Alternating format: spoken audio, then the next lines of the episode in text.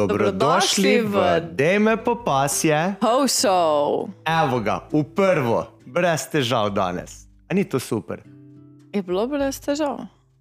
Dobro, ja.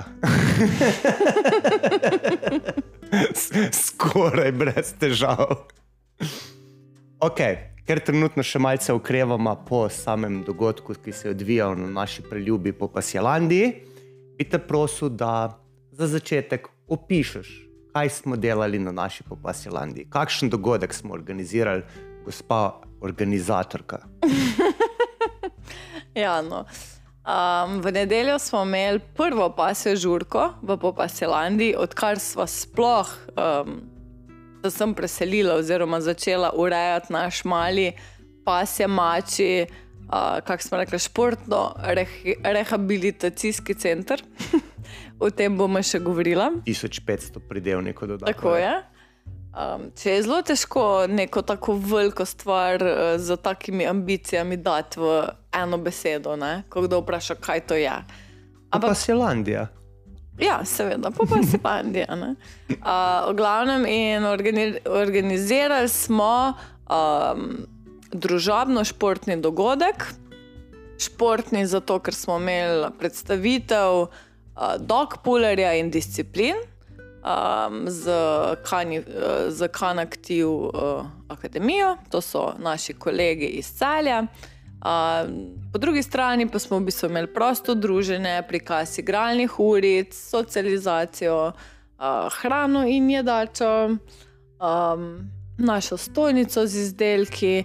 In kar je najpomembnejše, um, povabljeni so bili naši člani, tečajniki, um, vitalovci, vipeki, uh, bivši rešenčki. Tako da, v bistvu, tako zelo domača družinska ekipa, bi temu rekla. In koliko nas je bilo v tej domači družinski ekipi? Ja, pač mi dva smo vajena velikih družin. A, tako da prijavljenih psov skupaj z inštruktorskimi a, je bilo 43. Na samem dogodku. tri. Na samem dogodku 43, a, je pa res, da a, je bilo nekaj še vrvancev, vr, vrtičkarjev, takih, ki pač a, Niso všteti. niso všteti, so pa dobili odlično pasjo torto iz govedine, a, špinače in gozdnih sadežev. Torto smo za kuške imeli tam. Hmm, Ja, to so jo uredila dekleta, uh, ki so sodelovala z nami, kot sem že omenila, iz Kanaktiva. Tako da, uh, ja, no, vsi so bili udeleženi te pasje torte, ampak prijavljenih je bilo 43. pa zdaj, ko smo bili pri 43, kaj misliš, kaj bi nam bilo lažje izpeljati? Da imamo 43 psov in ljudi, ali samo 43 psov? Definitivno 43 psov. Sploh če govorimo o psih, ki so bili na tej prireditvi. Se pravi, dejansko o psih, ki že hodijo na igralne ulice, ki hodijo na naše tečaje, ki so že del vrtca, varstva, um, naše družbe. No? Um, ne vem. Jaz, tako ali tako, sem že v prejšnjem podkastu povedala, da ne bom rekla, da nisem um, people person, ampak sem definitivno veliko bolj dog person. Uh, lažje se znajdem v skupini 30, 40, 50, 60, koliko češ psov, uh, kot neka mentorica, vzgojiteljica tem psom. Um, ne vem, lažje handlam to skupino, pa vem, da recimo lahko človek, vodnik pri vodenju svojega psa naredi veliko več uh, nekih um, triggerjev, da psa znervira. Um, Da ga spravi v neko kočljivo situacijo, lahko pes, recimo, to je ena izmed mogoče stvari, takih kavč psov, sopotnikov, um, da recimo znajo biti posesivni, znajo čuvati stvari okoli lastnika, znajo čuvati svojega lastnika, in to pa so mogoče stvari, ki se razgubijo v nekem varstvu. Ali pa ko recimo ni, bom rekla zdaj v narekovajih, ko ni starša zraven, so otroci bolj pridni. Ne? To ponovadi potrdijo vzgojiteljce v vrtu, pa nekako eh, okvirno velja to tudi v pa, pasem svetu. Zdaj pa ali govoriva v ne vem, delu v pasem salonu, velja isto, um, v pasem vrtu, v, na kaučvarstvu, kjerkoli dejansko to velja. Ja, mislim, tako sem razmišljal ne, pred samim dogodkom, sem, da sem bil bolj živčen. Ker na samih tečajih imaš nadzor nad skupino. Ne, imaš ti bolj nadzor nad samimi ljudmi, paziš, kaj delajo, jih popravljaš. Ne. To je bil pa zdaj prvi tak dogodek, ko smo imeli toliko ljudi tukaj z svojimi psi in je ogromno bilo na zaupanju. Ne, da zaupamo tečajnikom, da zaupamo ljudem, ki so tukaj, da bodo vedeli, kako reagirati, da bodo znali preprečiti, oziroma bili, bili kar preventivni da se situacije ne zgodijo, pač nezaželene situacije. Seveda. Ja, mislim, dogodek je bil um, voden na dejansko treh prizoriščih. Um, skoraj štirih, no, recimo, če še to teraso posebej štejemo.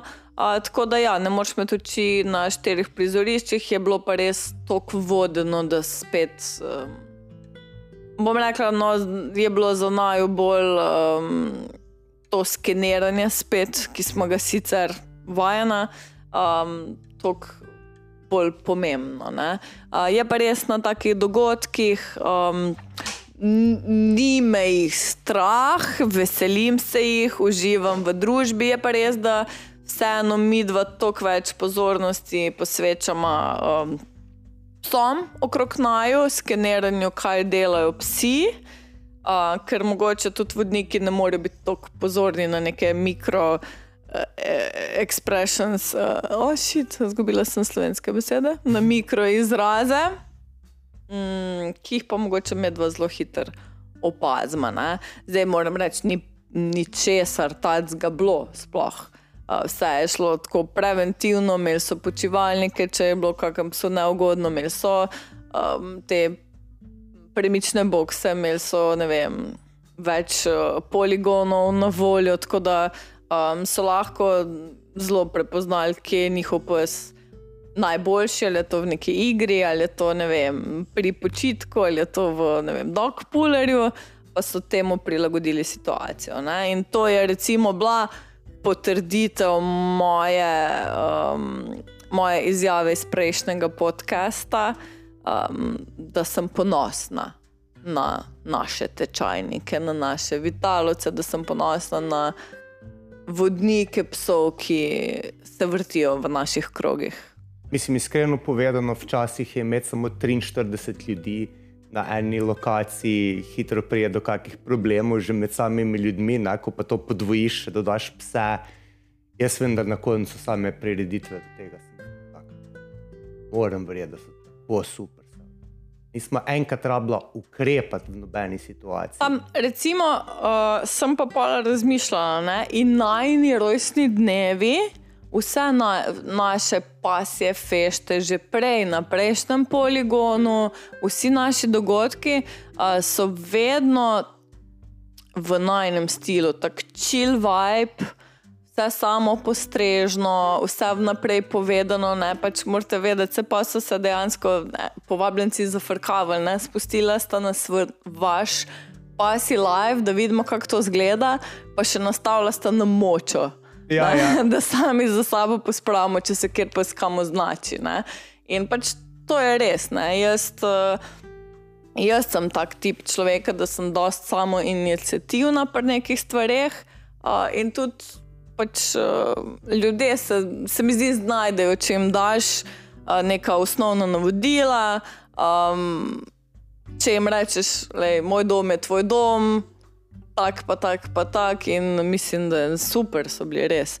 Um, mogoče pa ne vem, če delaš dogodek pri sebi ali pa v svojem imenu, je pa vedno tista 2% um, treme um, ker zastavlja svoje ime. Ne? Če vedno kakršen koli incident bi bil lahko, ne? um, še vedno daš svoje ime, um, delno odgovornost imaš neko. Seveda, se, če si ti organizator, ne. pa garantiraš po eni strani varnost za pse. To, pa... to velja recimo za vse naše pohode. Je pa res, da skozi leta. Um, sem tudi okrog teh dogodkov in piknikov, od kostanjevi do ne vem, spomladanskih, um, sem vedno bolj sproščena. Ja, mislim, sej človek, ko gre na pet pohodov, deset pohodov z vami, ne, konc koncu že prevzema vsaj popolno odgovornost za svojega psa. Če ne za Seveda. drugo, pa ne za skupino, ali pa da saj pomaga skupini, odgovornost za svojega psa moraš imeti. Pa, ne. iskreno je tudi tako, da. Um, Ne vem, vsi znamo malo prve pomoči, vsi znamo pač, vem, handlat pasjo družbo. Pač te ljudje so, ne vem, ne mesec, leta že na nekih igralnih uricah. Sej dejansko imamo ljudi, ki že dve, tri leta hodijo na igralne urice in tudi oni so že domači v pasi skupini. Ne? Se tudi ljudje niso tako, um, bom rekla, prvič bili vrženi v to situacijo. Ne? Če se družiš z nama, vedno piješ kavo tako, da jo dvakrat poliješ, ne? ker se Ja. to dogaja okrog, ker nek pes pride, te rukne, maček pride. ne vem. Danes snemava podcast. Um, v pasje mači družbi, sicer zdaj so vsi primerov, ampak pričakujem, da vsaj ena kava se bo polila v tem času. Ne? Ali bo pa tvoj muž skočil direkt na Valjda. tipkovnico, pa ustavil. Vedno fotke so, nasred vedno so mački krivi. Ja.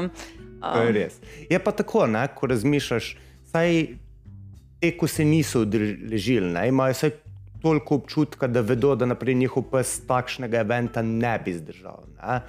Pa, kar se tiče teh uh, odnosov, um, da do vodnika, vodnika do psa ali pa prepoznavanje, zakaj je tvoj pes primeren, uh, so večinoma povezani z našimi tečaji. Um, Sej tudi zato imamo neke prijave, zato približno vedno želiš vedeti številko ali pa kdo pride, kdo ne pride tudi na sam tečaj. Um, da tudi v bistvu lahko človeku svetuješ individualno, kako reagirati v tej situaciji. Ja, ja. Tudi če bi prišel kak pes, ki je bolj mogoče a, delovno usmerjen, um, malo manj družaben ali pa karkoli. Um, nočem, da dobijo ljudje, ki to poslušajo, občutek, da mora vsak pes biti družaben. Mi ne pričakujemo, da rabi vsak pes biti družaben. Niso vsi psi družabni. Imamo tudi take antisocialne pse, od katerih se pričakuje, da se pač umaknejo. Da, ne, da, da ne rabijo ne vem, rint v družbo, če jim ne paše. Ne. Morajo pa pač poznati neke osnove bontona, pa se umakniti ali pa si najti svoj prostor, ali pa konec koncev vodnik, da zna svojemu psu narediti prostor. Ej, zdaj ga pa pusta na mer. To je bilo na koncu, koncu tudi moje navodilo na začetku samega eventa. Sem razložil, kakšna so pravila, da če imaš spuščenega psa, da ima vsak pravico tvojega psa po eni strani tudi handlat zaradi tega, ker je pač tam, se pravi, če rinem njihovega psa, ima pravico tvojega psa poslati stran. Ne? Tako je, ne in to lahko užaljen, narediš samo delo- s svojimi tečajniki, Tako. oziroma z ljudmi okrog sebe, ker pač poznajo način dela nasploh. Ok, zdaj pa vprašanje. How big can we go? Koliko misliš, da bi bilo maksimalno število udeležencev, pod predpostavko, da so vsi tako popolni kot naši tečajniki? Mislim, zdaj, če gremo, da podvojimo vse te psi, ki so bili tle, bi lahko krat dva, krat tri bilo. ne? Um, pač, če gledam točno te pse. Slišali ste Dono, naslednji event 120 psov. Ne, ne bi. Ne bi. Ne. Meni men se zdi, da tam do 50. Tako, Um, govorim zdaj na um, zmožnosti poligonov, ki jih imamo. ja, ja, seveda, pa zdaj ne moremo Um, prek tega. Ker tudi vsega tega drenjanja, pa to tudi ne bi nobenem bilo najbolj tako. No, mislim, vseeno bi rada, da so dogodki taki, da se tudi mi dva počutimo del dogodka, ne samo redarja ali pa vem, neka šefa, ki komandiramo vse počasne ali pa kako koli že. Moj največji problem tega dogodka, ne, da smo medva smo se videla na koncu šele samega dogodka. Ne, ti si Medva smo se menjala, ne? sploh na igralnih uricah. Ne moreš ti mlade pubertetnike um, pustiti same tam z lastniki, pa delajo, kar, kar želijo. Ne? To Tako. so tudi prejšnjič govorila, ne? da vsaka interakcija s psi rabi nekega odgovornega vodjo. uh, ki jih usmerja, ki tudi naredi pauzo, če je potrebno, ki da psa na timeout, če ne vem, se vsiljivo vede ali pa teži kakim psom. Uh, tako da pač to pride skupaj s temi dogodki. Ne? In jaz mislim, da tudi vsi udeleženi um, razumejo to, da ne moramo biti stoprocentno v pogovori z ljudmi. Um, da smo tako. 50-50, se pogovarjam s tabo, ampak desno oko mi šviga med psi. Točno to, ja, to je najhujše. Zelo, zelo sproščena situacija, neč ne rečem, ne, ni bilo nobenega problema, res nobenega. Dej, jaz nisem imel priložnosti gledati celotnega predavanja oziroma prikaza tega pulerja. Da mi povej tvoje mnenje, kako se ti je zdela tudi izpeljava sama, so naši tečajniki sodelovali, kak je bilo? Um, ja, moram reči, da je bilo kar zanimivo, um, zabavno, nasplošno, glede na to, da nimamo recimo še športnega poligona, takega kot smo si ga medva zaželela ali pa pride v prihodnem letu. Um, zelo je bilo zabavno, veliko psov se je hotelo igrati, zelo sem ponosna na njih.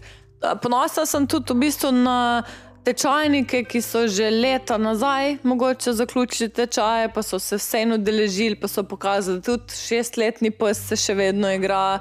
Um, ne vem, uh, recimo ena izmed psič, ki je bila ena izmed naših prvih tečajnikov. Mm. Uh, osem let nazaj Tako. je hodila k nam, ne dobro, ni se glih hotla igrati. Ne? Sicer je gospa rekla, da boste to doma nadoknadile in zvadile.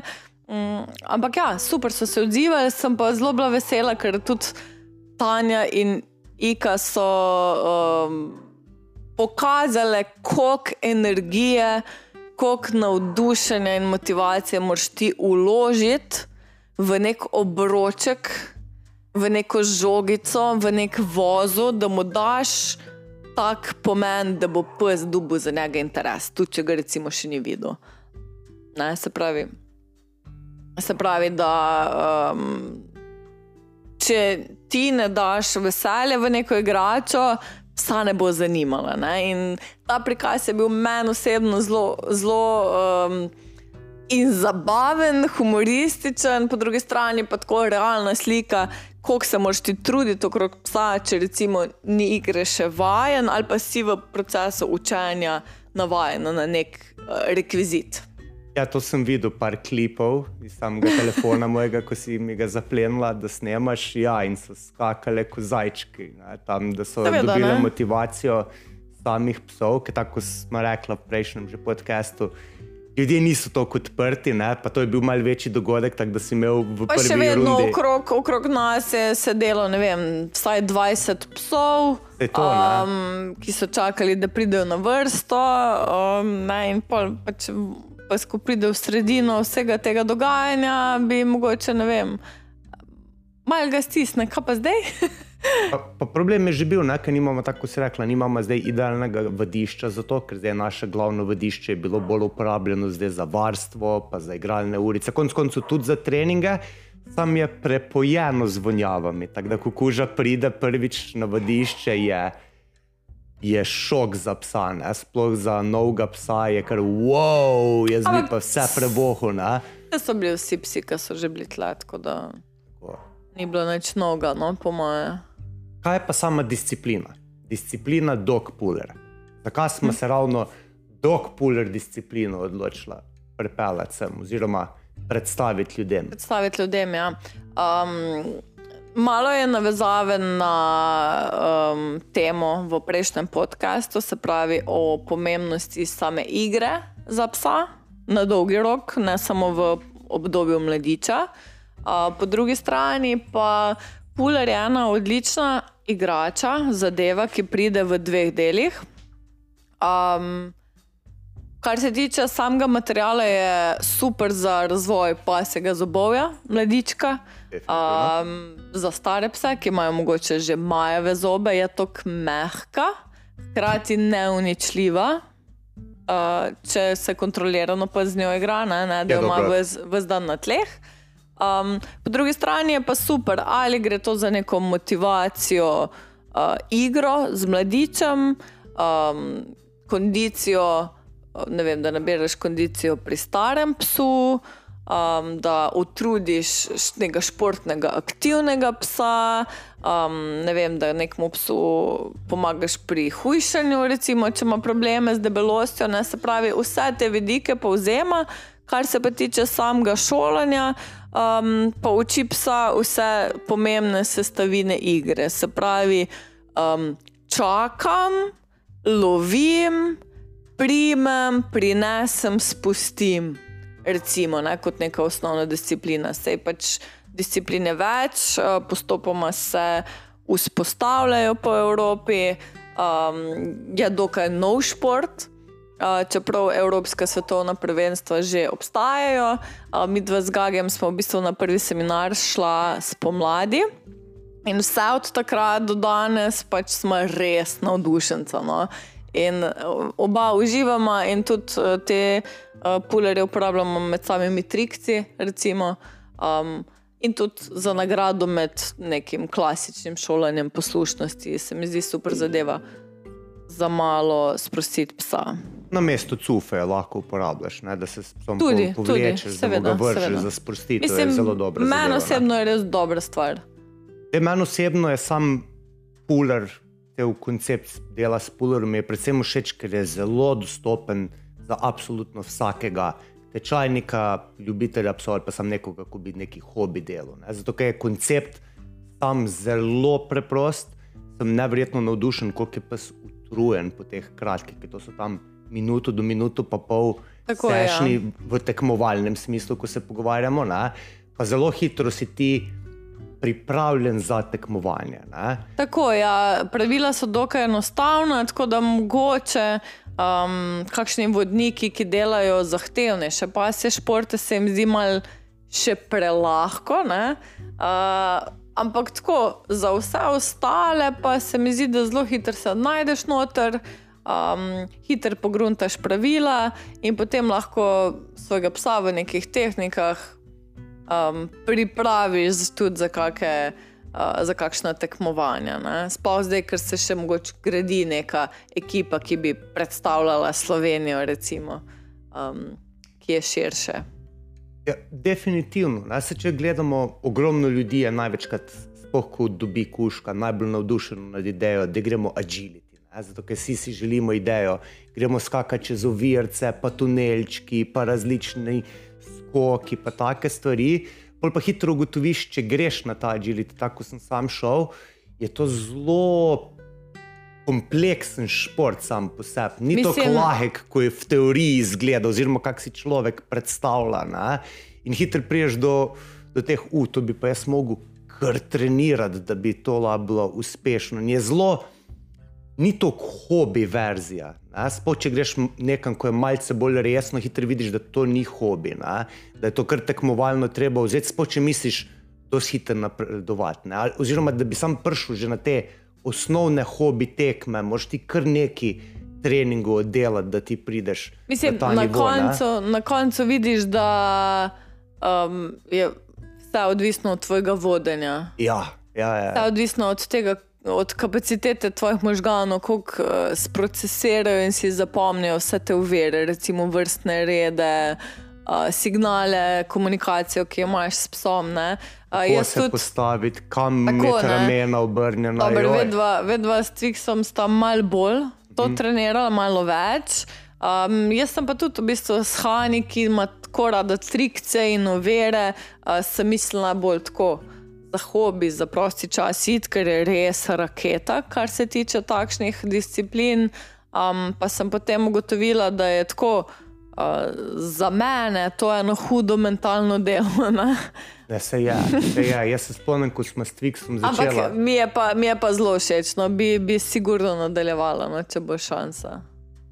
Meni je bilo face kompleksno. Jaz se prav spomnim, kako smo šla s Twixom iz tri ovire, pet ovir, tam je še šlo. Ko si enkrat prišel na 12 ovir, pa okoli 18 ovir, pa da si sam zapomniš vrstni red, ker to moraš teči, to ni toliko, da sam stojiš. Pa pol na koncu, ko ti otečeš dvakrat, pa dvakrat, naprimer, narediš na robe, pa greš še enkrat teč, ko si že cel utrujen, zadihan, sploh jaz, ko sem bil brez kondicije tam je bilo, o, to je pa kar. Vem, da pa za za tekmovanje je bilo, pa mislim, vse smo bila blizu, ali nekih 25 za začetnike, nekaj takega, ni bilo Mhm. spet toliko, nismo bila toliko stran, da bi tisti prvi poligon še lahko naredila. Ne? Ampak je bilo že tam kar nekaj dela vloženega. S tem, da sem jaz imel prednost, da je Twix bil že starejši, že zelo lepo šolan, kar se tega tiče, in smo imela odnos za komandiranje čez te ovire. Ne? Za nekoga, ko šele začne, ko ima nima psa, šolan ga v to smer, mora biti še toliko težje. Ne? Ker moraš poznati sebe, svoje gibe, kako ti reagiraš na stvari. Pa me zdaj v tem zanima, miš, da je zato toliko težje pripeljati naprimer, nek agility v naprimer, brežice, v naš konc. Ne? Bi se bolj mogli namatrati, ker moraš že imeti dokaj izkušenega samega tekmovalca, ker nekdo mora, ko je tekmovat, tekmoval, ti to razlagati. Ne? Uh, jaz bom tako rekla. Najn, najna želja od nekdaj, že ko smo začela, je vedno bila, da v posavje pripeljeva različne pasje športe, različne pasje discipline. Tudi sami smo pred, ne vem, to je pa res ne 8 let, 8-7 let nazaj, prvič uh, tega našega tekmovanja, uh, kak, kaj je bil Urbanko? Urbani popasjec. Urbani hmm. popasjec Ja, ja. je bil. Um, naredili tako kar uh, zahtevno uh, tekmovanje samokontrole um, za naše tečajnike takrat. Ne? In nam je bil takrat plan to disci disciplino samokontrole, rečemo temu, razvijati naprej, jo širiti, povabiti druga kinološka društva. Pa se mi je nekako potem zdelo, da mm, sej marsikomu je ideja, da bi hodil na neke pasje, bomo temu rekli krožke, prostočasne aktivnosti, hobije. Vsem se zdi to super. Ampak ljudje se zelo težko vežemo na nekaj rednega, sploh ob urnikih, ki jih imamo trenutno, ob službah, športnih, drugih aktivnosti, ki jih imamo vem, zase, za svoje otroke. Na dolgi rok se je potem izkazalo, da želja pri ljudeh je, ampak časa pa ni.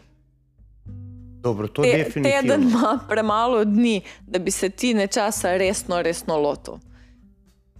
In um, Ej, bolj ko razmišljam, bolj je tak. Zdi se mi, naprimer, v primeru dogpulerja, ne, je tako, da naprimer, jaz pa ti smo bila na teh parih treningih, parih tej fantekmi smo bila. Ne, in se mi zdi, zdaj, če bi moral voditi sam tečaj dogpulerja, da bi to z, lahko dokaj na visokem nivoju izvedel. ne. Medtem ko sem bil na agility bistveno več ur kot na dogpulerju, pa niti približno si ne bi upal trditi, da, da imam tečaj agility. Mm. Sploh kar se tiče že samih tehnik, samega pristopa, se mi zdi, da Veš bi kaj, lahko več mogoče- škode naredil. Ne? mogoče veliko dogajanja, veliko uver. Ne? Uh, in moš res imeti za sabo že neke tek, tekme, uh, treninge, usposabljanja, da sploh te mikro.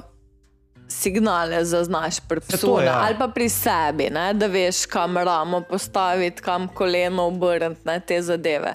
Tako da se mi zdi kot hobi varianta, um, vseeno laže neke take, bom rekla, športe z sta- enostavnejšimi navodili mhm. upeljati, zaradi tega, ker mogoče za osnoven koncept predstaviti vodniku in njegovem psu, rabiš mogoče manj časa, pa se pa lahko več tehnikalijam posvečaš in pol pač te vrziranju psa Ja, ja, ja. ne, Pač, za stvari. Ker recimo um, pred leti so bila na uh, pasji skrivalnicah, ne, se pravi na uh, začetkih mentrailinga, uh -huh. delavnicah, in je tudi bilo izvedeno kot. Prav tako, kot sem rekla, pasje skrivalnice, se pravi, čiste osnove mentrailinga, primerno za vse pse, brez predznanja. Ne? In je bilo tudi tako luškana zadeva za vse mogoče nas ali vas, ki se ne bi profesionalno ukvarjali z mentrailingom, z reševanjem oziroma iskanjem pogrešenih oseb. Ne? Men trening si super omenila, ne? zato ker jaz, na primer, ogromno svojih tečajnikov, sploh te komalovske pse, napotim na men trening, predvsem zaradi tega, ker je koncept, konceptualno zelo lahek. Ne? Zdaj, eno je, da tvoj pes gre iskati osebo v gost, je ena stvar, hobi varianta tega je pa zelo lahka za naučiti. Pol pa odvisno, koliko časa pač ti posvečaš, da nadgradiš ti tega psa. In vem, da dajem ljudem sam idejo tega, ne grejo enkrat, ne vidijo, kako se psa uči nekaj takšnega, in pol se ti v komod doma. Igraš s svojimi otroci, skrivalnice, lahko sam narediš si nek izziv. Ne? Ni ja. tako težko sam trening nadgrajevati. Tako da meni trening se mi z iste smeri zdi zelo uporaben, pa zelo praktična stvar. Je pa tak, ne? je pa to umazen šport, tako bom rekel. Doskrat si v hostah, doskrat si v nekih takih, kako bi rekel, mestnih. Ma ja, sprehodiš se. Ne? Ja, se kar, se kar nahodiš. Mislim, recimo, eh, jaz pri Gagiju vidim, da blazno uživa. Ne? Mi dva občasno greva in je super, ampak spet greva tudi na dogpuller, pa delava tudi pase trike, pa delava tudi neke uvere, ne, in pol, pa delava tudi vem, poslušnost na naših tečajih, socializacijo na naših tečajih, in pol je zdaj že tok tega dogajanja, um, da se kar malo časovno lovim. Uh, v tem, v, bom rekla, jesensko, spomladanskem času, ko mogoče mi dva nismo tako vezana na svojo lokacijo. Ne. Ja, to je um, pa največji problem. Jaz, jaz bi vse, ne, jaz bi vse, ko se poletje konča ali pa preden se poletje začne. Hodim na vse tečaje, na vse delavnice drugim kinološkim društvom, ker eh, se mi zdi zelo pomembno, da se um, mešajo naše izkušnje, da se povezujemo z inštruktorji, ki so uh, odprti za, nov, za, ali za novosti, ali za debate, um, ki pač ne jemljajo mogoče drugih zdaj inštruktorjev kot neke, kaj, kak jaz vem, kon, ne vem, konkurence ali pa um, neki firpcev, ne bom temu rekla. Pač jaz res rada grem na uh, delavnice, na športe, na vse, kar, um, v kar mi dva nismo specializirana. Seveda, ker s tem dobiš različni pogled na samo kinologijo, kako pristopiš. Odpreš tako, odpreš si neko perspektivo, ki jo ne poznaš, pa mogoče. Um, Tako si rekel, ne, konceptualno veš, zakaj se gre, um, so pa tehnikalije, ko nekdo ve bolje. Nekdo ve več. Primer tega je zdaj glita bike, joring, pa kane cross. Kane cross, ja. Kane cross, uh, ravno ker... kar so se prijavili na eno delavnico to. za vlečne pse in to je ena super stvar. Ok, je res, da tečem za svojimi psi, je res, da kolesarima, skirojama, rolama s svojimi psi, hm? ampak ali vem, kako dobro ogreti psa. Ali vem, kako zaključiti, ko prideš na cilj, moram še dalje shoditi psa, da se postopoma ohladi, mu moram dati kak, vem, proteinski dodatek po naporih. Ne. Mislim, so tehnikalije, ki ne vem. Jih na webinarju, mogoče ali pa na nekem YouTubu, nimaš tako zgoščene kot pri nekem inštruktorju, ki pa to res dela.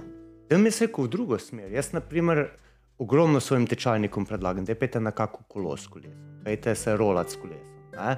In doskrat je prišlo že do ideje, da bi se rolec s kolesom. Eh, rolec. In je doskrat prišlo do ideje, ne, da bi že kakšen, kak bi rekel, tečaj naredila za rolanje pa kolesarjenje s psom. Ne? In ogromno vprašanje pol, oziroma dvomu, kar se tega tiče, pride, ja, jaz pa ne zaupam sebi na kolesu, ne toliko psu, sebi. In jaz grem, na primer, zdaj na ta dogodek, grem predvsem, da vidim, na kak način za varnost poskrbijo, ker me zanima, kakšen pristop do tega imajo, kakšno opremo imajo, da je ekstra bolj varno, ker bi ta del rad ljudem predstavil. Ker jaz sem bil vedno. Otrok je rastel na kolesu. Jaz sem imel svojo biglico pred 12 leti in na kolo sem jo dal. Ni, ni bilo spoh pomislu, nisem, da bi me bilo strah, da me bo en kuža prevrnil. Če sem se lahko dva km brez rok vozil, me ni bilo strah, da me bo pes prevrnil. Ne? Zdaj pa vedno manj tega, vedno manj otrok, vedno manj ljudi srečen, ki so bili oziroma rasli na kolesih, tako kot mi. In se mi zdi, da ok. zdaj pa rabim nekoga, da gre čez ta postopek z mano, da vidim, kako se on spoprijema s takimi situacijami, kakšen je postopek, kako zgraditi človeka, da bo samo zavest dubu, pa da bo pes tudi na varnem celem tem procesu. Tako da sem se zelo veselim samega dogodka iz te smeri. Medtem ko, naprimer, prej smo o agilityju govorili, ne, zdi se mi največji problem, da bi mi potrebovali za upeljavo kažnega takšnega športa, poleg krepkih finančnih sredstev, ker so sama, kako bi rekel, te ovire, pa to precej drage, pa precej jih potrebuješ. Ne, uh, se mi zdi, da rabiš človeka.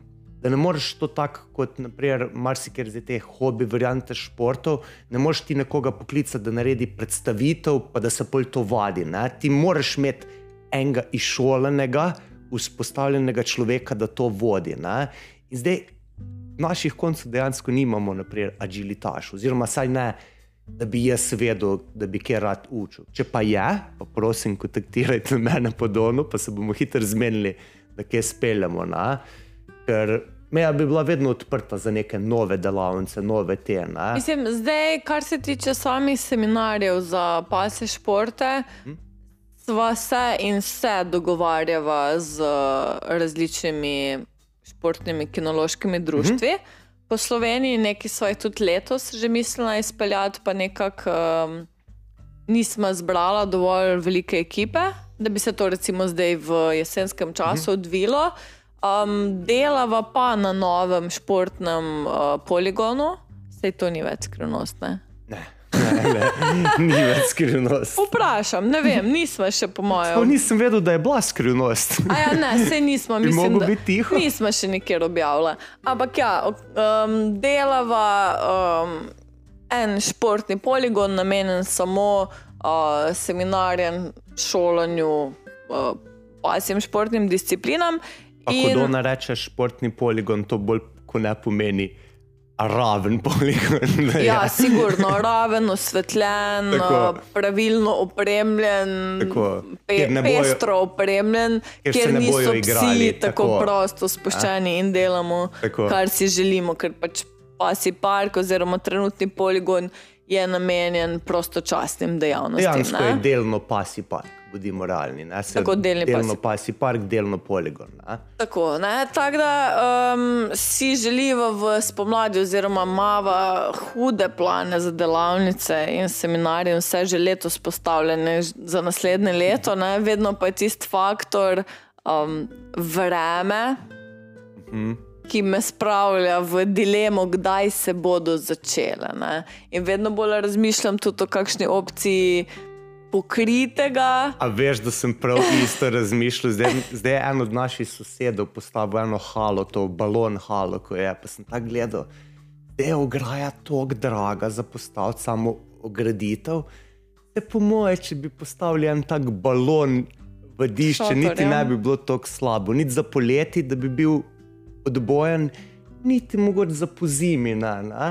Sem tudi jaz o tem razmišljal. Sam to pa rabimo enega hudega sponzorja za kaj takega, ker tudi šotori niso, ali pa tam pokriti poligoni niso najbolj Poceni? poceni. Ne, ne, to, to, to sem jaz slišal, da zastojn praktično. Stavajo, Ja, Zastonj. Pa, pa postavijo, vse dobiš to, za, za male denarje. ok. Um, kaj smo še danes imela v planu? Ja, hotel sem te vprašati, um, mogoče trenutno, uh -huh. kje je tvoj najljubši pasji šport, oziroma kje se vidiš, kaj te najbolj zanima, glede na tip človeka, kot si ti, ne glede zdaj na katere pse imaš ali pa karkoli, v kateri smeri bi delo, kaj te zanima. Pa tudi zanima me malo, um, ker smo rekli, da hodimo po delavnicah, eh, seminarjih naokoli. Kakšne imaš izkušnje s tem, z gostovanjem druge? Zdaj bom tako rekel. Zdaj, moj najljubši šport je definitivno najbolj lenja verzija moje, mojega karaktera in to je pač vleka na skiroju. Aha. To mi je daleč najljubša stvar, med enega ali pa dva močna psa v peta na skiro, pa to ne navaden skiro, pač predstavljajte si skiro s poni gumam. Tak je nekako najlažje opisati, ima bremze, ima vse in te pes vleče. ko imaš pse, ko te vleče, je to tako dober feeling. Kot da bi imel nek e-skuterček, se voziš, si fraj v vetru, pa še hkrati veš, da bojo kuški utrujeni po tebi. In ko priješ domov, si ti dejansko dokaj spočit, si se lepo pripeljal, naredil si kratek izlet, vsi so utrujeni in to mi je res najboljši feeling to dela. Zato je tudi nama en od planov, ki ga imamo, postaviti eno progo po vadišču. Vsaj cilj je bil, zdaj bomo videli, kako se ti naši cilji izpolnjujejo. Kar se tiče pa samih predavanj, ha, bom pa rekel, imam zelo mešane izkušnje s tem. Tako bom rekel, bila smo na nekih osnovnih verzijah, naprimer, dober primer tega je bil Alfa Kan, ki je imel predstavitve. In smo šli naprej na Alfa Kanovo predstavitev, ker so razlagali pač osnove o psih. In bom rekel tako, sama predstavitev je bila zelo na nivoju. Sicer nisem pričakoval, da se bom nič novega naučil, glede da sem sam inštruktor, bilo tudi malo žalostno, da na predstavitvi za tečajnike zvem nekaj hudo novega. Konec koncev, mogoče so kakšne tehnikalije, ker bi se lahko bockali mi, inštruktori, ampak nič kritičnega, super izvedbe. Po drugi strani sem bil pa na takih, kjer sem prišel domov in se na dono stresu dejansko, kaj sem se doživel s tem. Od tega, da sem bil na predavanju, ker so, nam, so me probali prepričati, da kuško ne smem žogice metati. Ko sem jaz bil edini tam v skupini, ko sem se užival, zakaj ne. Mi razložili, da bo to psu nevreten stres povzročilo. In sem bil tako, razumem, mogoče izkot ideja, če se takega izvira, odkot prihaja, naprimer, če imaš nekega borderja, pa ga nisi navadil, da se noter počiva, pa ti skozi žogico teži, pa te pet ur na dan gleda s to žogico. Ja, je lahko stresno. Ampak dati pa na predavanju, ker pridejo novi ljudje, izjaviti, da ne smemo kuško žogico metati, ker ga bo toliko stres dalo, je pa grozna. Ne? In naprej, zdaj sem že srečal tečajnike ali pa ljudi, ko pridejo k nam, kjer so bili deleženi tega, kako bi rekel predpisa novega. Ne, ne, ne smem žogico kuško metati, ker ga to ustres daje. To smo me se velikrat pogovarjali o samem stresu in ni vsak stres slab stres. Slab stres je samo ti stres, za katerega nimamo načina, da ga obvladamo, se pravi, da, da ga kopamo s tem stresom. Ne. Vsi ostali stresi so konec koncev čisto razumljivi. Ne. Če mi damo psu, nek strukturiran dan, kdaj se počiva, kdaj se ne počiva, ga stres metanja žogice ne bo pokopalo niti približno. Pol, po drugi strani sem bil na predavanjih, kjer je bilo vem, izumljanje tople vode. Jaz te rečem. Najboljši dober primer tega je bil. Da ne bo kdo narobe razumel, ne mislim, da je to kot kritika huda, ampak dobesedno sem bil tam na predavanju, pa sem razmišljal, pa te pa toplo vodo obračajo besede. Ne, niste vaje, ki ja, ja, ja. delamo. Pa prav spomnim se tega. Ja. Vaje, ki ne samo pri nas delamo v osnovnih tečajih, ampak vaje, ki smo jo delali v tisti prvi klasični šoli pred 12 leti, ko smo o tem govorili, recimo v prvem podkastu, že pa se danes mogoče te vaje v nekih novodobnih šolah pojavljajo kot specifične vaje.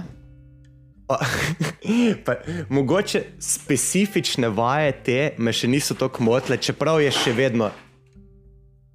Čeprav je še vedno odkrivanje tople vode, bolj mi je bilo, ne vem, bil sem na predavanju, um, kako se reče, obogatitve okolja kjer je celotna logika obogatitve okolja temeljila na tem, da na samem um, v sobi svoj, v svoji hiši postavimo en kup igrač, novih predmetov, novih, rekli takrat, izkušnjenih uh, stvari, in potem pustimo psu, da to raziskuje. Ne? In jaz vem, da sem se takrat zgražil prvo nad idejo, zakaj bi to počel v hiši, če lahko kuža raziskuje pa odkriva nove vonjave, pa nove situacije v naravi, da bi raje to delali tam. Tako da se mi je določene stvari zdele nesmiselne, bolj kot da bi bila topla voda. Ne? Bolj pa tudi tako bom rekel. Imel sem tudi situacijo, kar se tiče, da bom spomnil, uh, medva smo ravno kar oddelala naš izodi projekt. Bil na, na predavanju, kjer so govorili o pasih čutilih. In je dobesedno bil, bilo to predavanje, predavanje, ki smo ga medva na šolah imela. In smo imeli takrat 40 šol obdelala. In jaz sem prišel pripravljen na to predavanje kot satlen, zato vem, da smo prebrali knjig, pa fakte imela v nulo naštudirane, da ne bomo imeli kakšna butlička, ko bomo prišli na šole, pa 2000 otrokom, ki je narobe povedala. Ne? Vem, da sem prišel na predavanje, ko so, je bilo pravno o tem, pa se čutila, pa kako pa zdeluje, pa vse. Pa je na, narobe govorila določene stvari in sem bil tak. Mm, To pa ni res. In je šlo dejansko tako daleč, da sem jim mogel googlati na samem predavanju, pa dokazati, da ima narobe. Ne? Joj. Ja, mislim, Zdaj ne, bomo bom več, tiho? zdaj ne bomo več dobrodošli na drugih delavnicah. mislim evo, to, za tvoje mnenje me zanima, če slišiš na predavanju nekaj, kar je faktualno narobe. Tiho. Ja, nisi. Ne. Mislim, zdaj, če, če so to neka uh, Če pridem na. predavanja za inštruktore ali pa izobraževanja, predavanja, zakaj ne? Po drugi strani pa ali sva samo mi dva tak tip človeka, da sva odprta za debate in argumentirane, konstruktivne neke kritike stvari. Ne? Mislim, jaz bi zahteval, da nekdo na mojem predavanju, ker jaz nekaj predavam, pa da če nekaj odkrito narobe predavam, pustimo zdaj mnenja, pa tehnike. Govorim, če izjavim, pes je hladno krvna žival, če ne bo nobeno ljudi, ko so tam me popravili, nekaj hudo narobe s sistemom. Ne? In jaz pričakujem, da bi me človek popravil. Oziroma, spet tako sem prejšnjič rekel. Da me vsaj po samem predavanju ustavi, pa začne dvomiti v mene, pa da, da zargumentiram celo stvar. Pa konec koncev lahko celo pride do situacije, da je tako, uh, to imaš pa prav, to sem pa narobe povedal. Ne? Ker jim tako rekel, jaz načeloma sovražim imeti biti narobe, oziroma zelo rad zmagujem v samih nekih debatah pri peri. Zato se zelo pripravim Če na kdo to ve, vem jaz. Zato se zelo pripravim na same situacije, ker bom mogel argumentirati. Tako da večkrat se bi pri meni zgodilo, da, da so viri, katere sem bral, napačni ali pa da se je stvar posodobila, kar je konec koncev zdaj v pasem svetu kar pogosta stvar. Vsake toliko časa se odkrije nekaj novega, nekaj drugačna tehnika, drugačen pristop. Ne? Tako da konec koncev mislim, da moramo, če ne druga, inštruktori drug druge do ene mere držati na nivoju s tem. Ne? Sigurno. Um, pač vse raziskave, kar se tiče dela z psi, pasje dobrobiti, življenja z psom, vse te raziskave gredo vedno bolj zdaj v detajle, v pasjo psiho, v stabilnost psa, v vem, kognitivne sposobnosti. V, V miselne igre, ne? se pravi, gremo v mm, mehke vsebine, recimo uh, za pse, ne samo kot neka vzgoja, šolanje, tako mora biti, tako se moraš vedeti, ampak gremo v to, kaj, česa so zmožni pasi možgani. Ne? Definitivno. Se to na... In jaz mislim, da moramo biti vsi inštruktori pasje šole um, nekako pripravljeni se nadgrajevati, pripravljeni deliti mnenja, deliti izkušnje. To je naprimer, ena stvar, ki jo neverjetno pogrešam v, samem, v sami Sloveniji, oziroma med kinologi, da ni neke odprte mize. Da največ tehnik, pa izkušenj, pa kaj jim govorijo drugi inštruktori, jaz vem čez tečajnike, oziroma zvem konc koncev čez Facebook, ker moram že dvomiti, ko nekdo nekaj napiše, da je verjetno 50% laž ali pa malo zmišljeno ali pa narobe in pretirano. Ne? Tako da bi rad imel neko odprto mizo, kjer bi sedeli samo inštruktori. Vem, ampak bi bilo- načeloma ljudje nismo bili že skozi šolo um, vzgojeni v neke odprte debate, v argumentiranje. Debat je bilo zelo malo. Mi ja. na gimnaziji smo imeli tečaj retorike, oziroma nekaj v tem smislu. Smo mogli veliko stvari argumentirati, učili smo se biti kritični do nekih že literarnih del, konc koncev. Ja, ja. O, Pri filo- filozofiji smo veliko filozofirali. Um, Ampak ja, človeška narava je taka, jaz sem to poštudiral, jaz sem to naštudiral, jaz sem to preveril, samo to je prav, samo moj prav. Uh, Tako da je težko, sploh če imaš ti ljudi iz zelo različnih um, disciplin, zelo različnih vetrov, zelo različnih karakterjev psov. Ne vem, uh, če se lahko nivo teh pogovorov drži na takšnem nivoju, kot bi bilo, um, ne rečem, produktivno. Se pravi, strah te je, da ne postane odprta miza dejansko Facebook zid. Pa čat na Strah me, mislim, strah me je, da pride do tega, ne samo to je prav. Ker bom rekla za naju, mi dva se znava tudi med sabo spraviti včasih v debato glede ene majhne tehnikalije pri šolanju psov moje mnenje, kako nekaj vpliva na psa, tvoje mnenje, kako nekaj vpliva na psa, ne naj na različna pogleda iz nekega okvira in potem ta debata. Uh, o posledicah in um, rešitvah lahko traja tudi pet ur. In če se medve ne moremo pri istem psu zediniti o neki stvari, ali pa poznamo, ne vem, vsak da svoje dve, tri tehnike, in prihajamo v res, res, res natančne debate, kako bo neka stvar vplivala na nekega psa.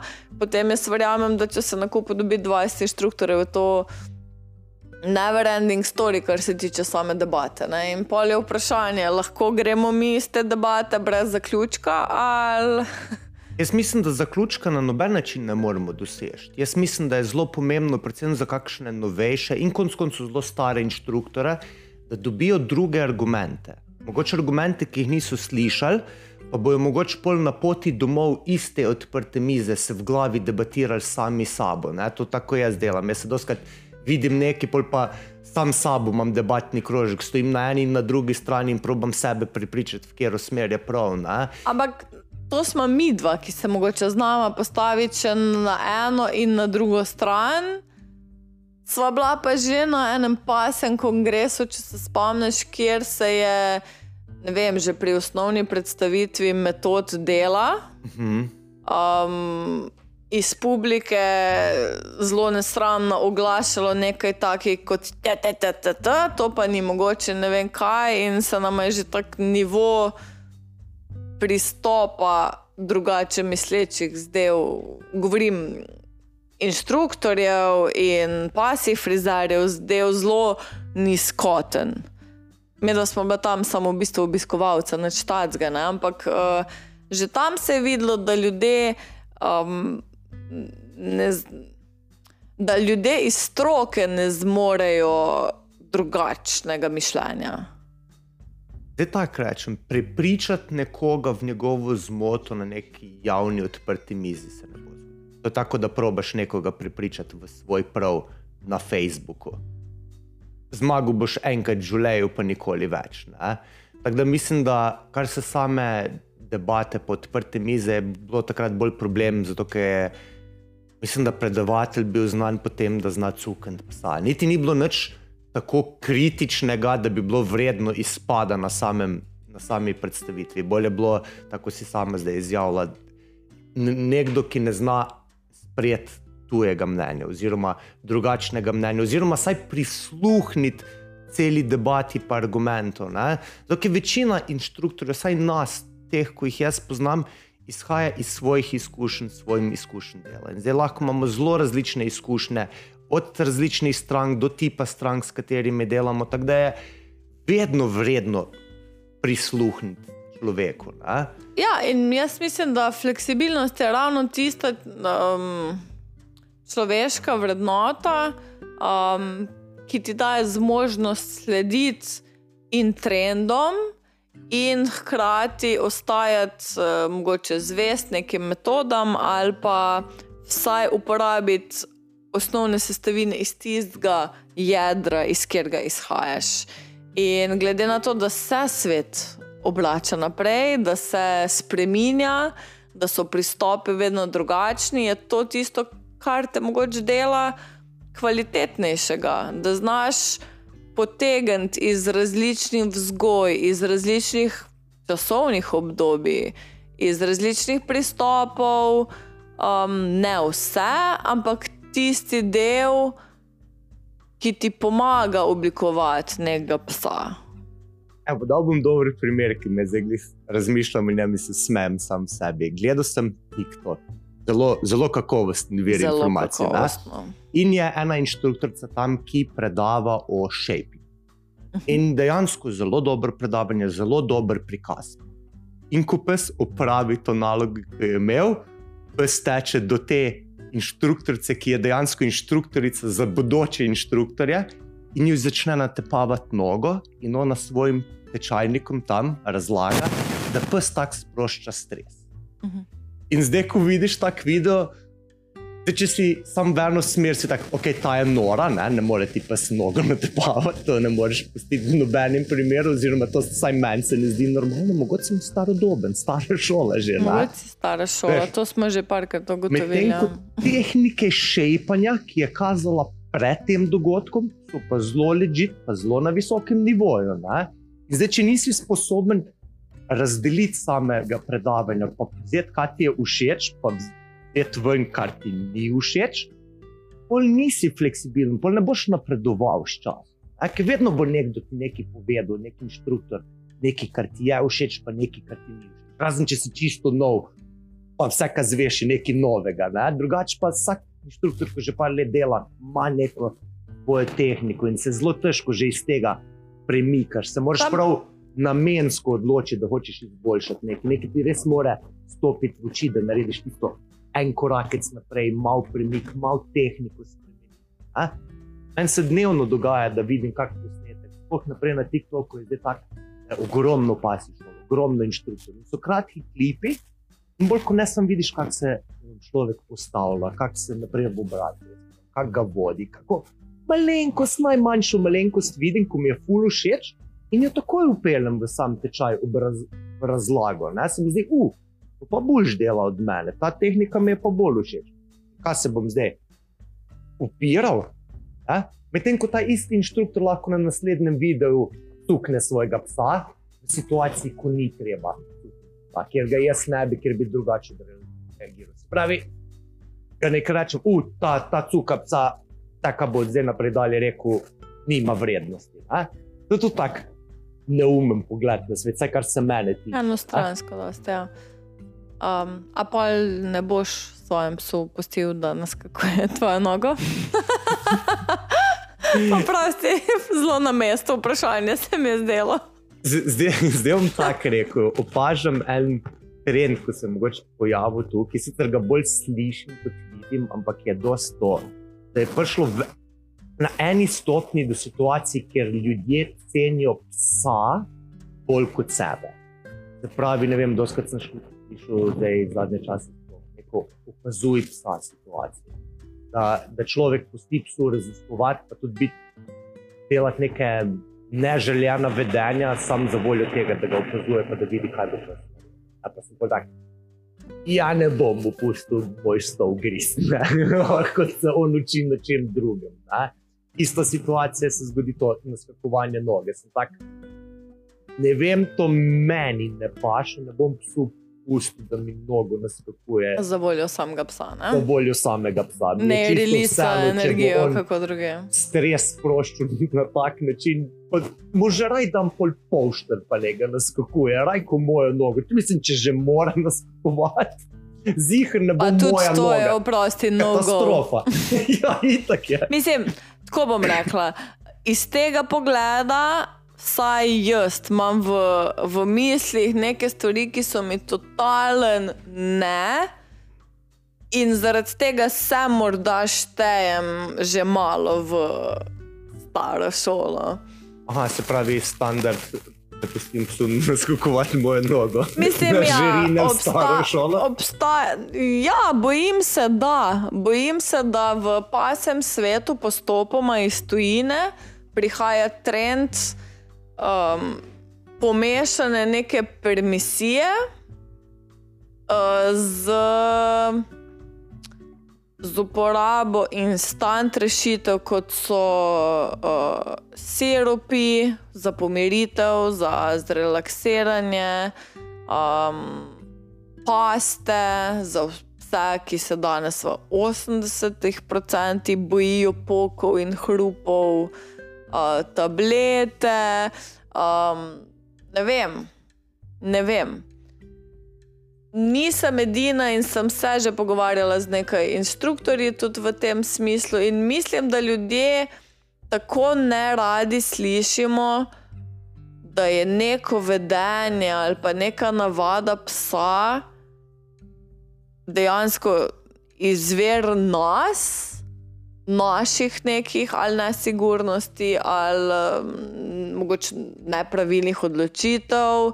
Um, da po drugi strani ne vem, iščemo izgovor v ne vem, pač v takih. Terupih, v tabletah, v zdravilih, da jim hitreje težavo rešiti. Ker jaz sem prepričana, da mnogi psi, za katere lastniki rečejo, moj pes se boji grmenja, um, v resnici se človek boji grmenja. In namesto da bi mogoče iz te izkušnje zrastel in pri sebi naredil neko večjo duševno rast, um, raje psu, pač, ki je zrcalo njegovega vedenja, Polja, ja. da tableto, da se pomiri, da ni pod stresom ali pa sebi neke CBD kapljice in to je to.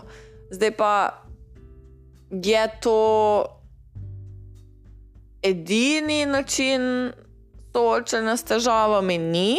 Jaz mislim, da je Kjer ga pa izbrati, je pa spet odvisno od odprtosti človeka in um, časa, ki, truda, ki ga vloži recimo, v, v to.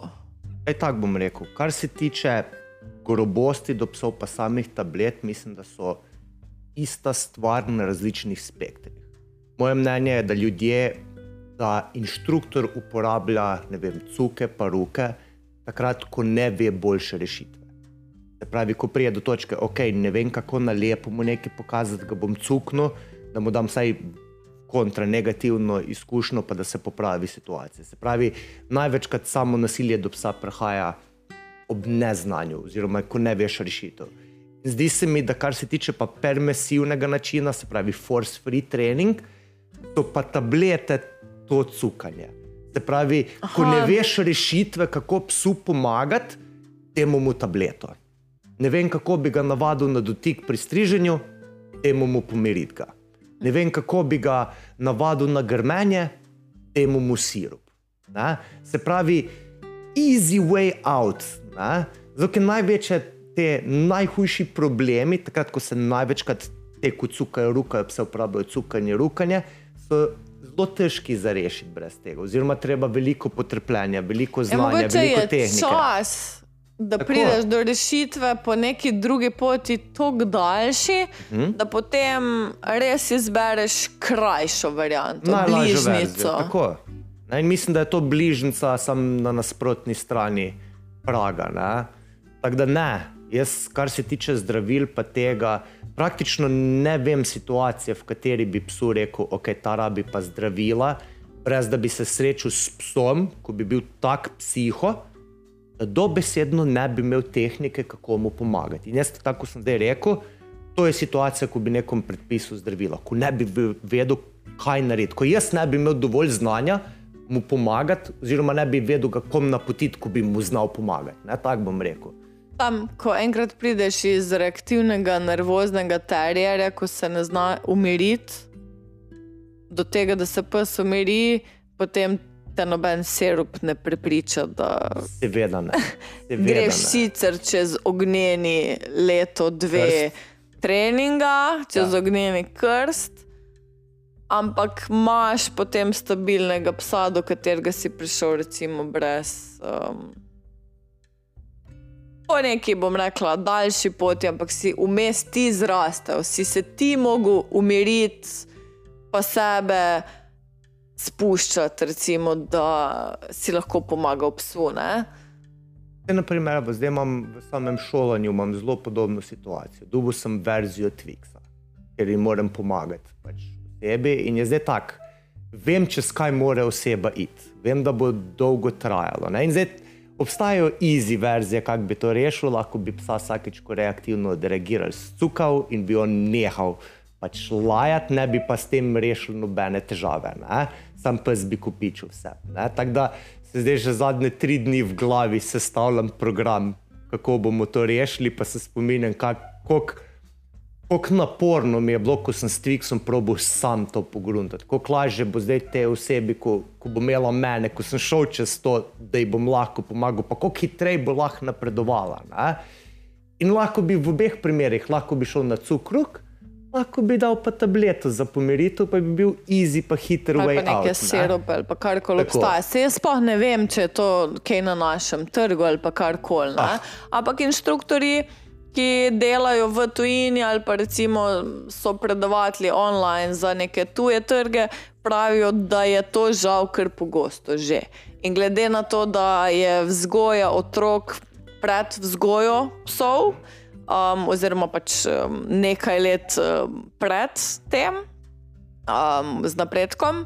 Um, vidimo pač, da tudi pri vzgoju otrok prihaja do sirupi za lažje spanje, sirupi za razzob, uh, tablete za ne vem, pomiritev. Ne? Ampak ne me zdaj na robe razumeti. Sej jaz vem, da zeliščni pripravki, um, ne vem, bila smo na predavanju, um, bahove esence, masaža psov, um, te, te točke po telesu Ja, ja, za sproščanje psa. Ne? Super zadeve, nič ne rečem. Um, ne, ampak spet neka meja med kdaj pes nekaj res rabi ali pa bom, ne vem. Tanka je spet meja med um, uporabo in zlorabo, ali kako ne rečem. Jaz upam, da nekdo, ko posluša ta podcast, da, da si zapomni te besede, kot sem prej rekel. Da jaz mislim, da so to ekstremi na obeh verzijah. Tako da, če ti zdravnik predpiše za otroka neko pomirjevalo, sploh za malega otroka, jaz mislim, da je najmanj, kaj lahko narediš, greš po drugo mnenje. Isto za psa. Če ti inštruktor reče, ta pes rabi zdravila, te pej do drugega inštruktora, saj za drugo mnenje. Zdaj, če ti dva rečeta, ta pes rabi zdravila, te psu zdravila. Ne? Ali pa recimo primer, če ti pasi frizer reče, da ne more drugače frizirati tvojega psa, kot da ga um, pomirijo, Hm? uh, recimo na veterini. Zelo dober primer. mogoče poskusi pri drugem frizerju, in če tudi ti reče, da je pes res nevaren sebi, frizerju, okolici, orodju, da je pol mogoče smiselna pomiritev.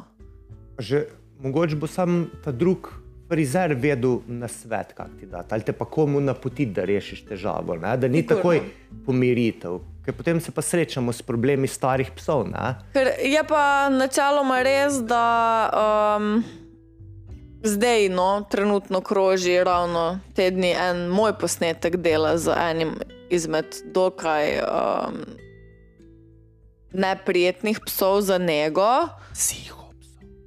Psi- ne bom rekla psihopsov, ampak neprijetnih psov za nego, zato ker pač mu res dotiki in delo z strižnim orodjem niso znani, um, pa so ga leta in leta zdaj devali pod neka pomirjevala na veterinah, um, pa veliko takih psov dobim.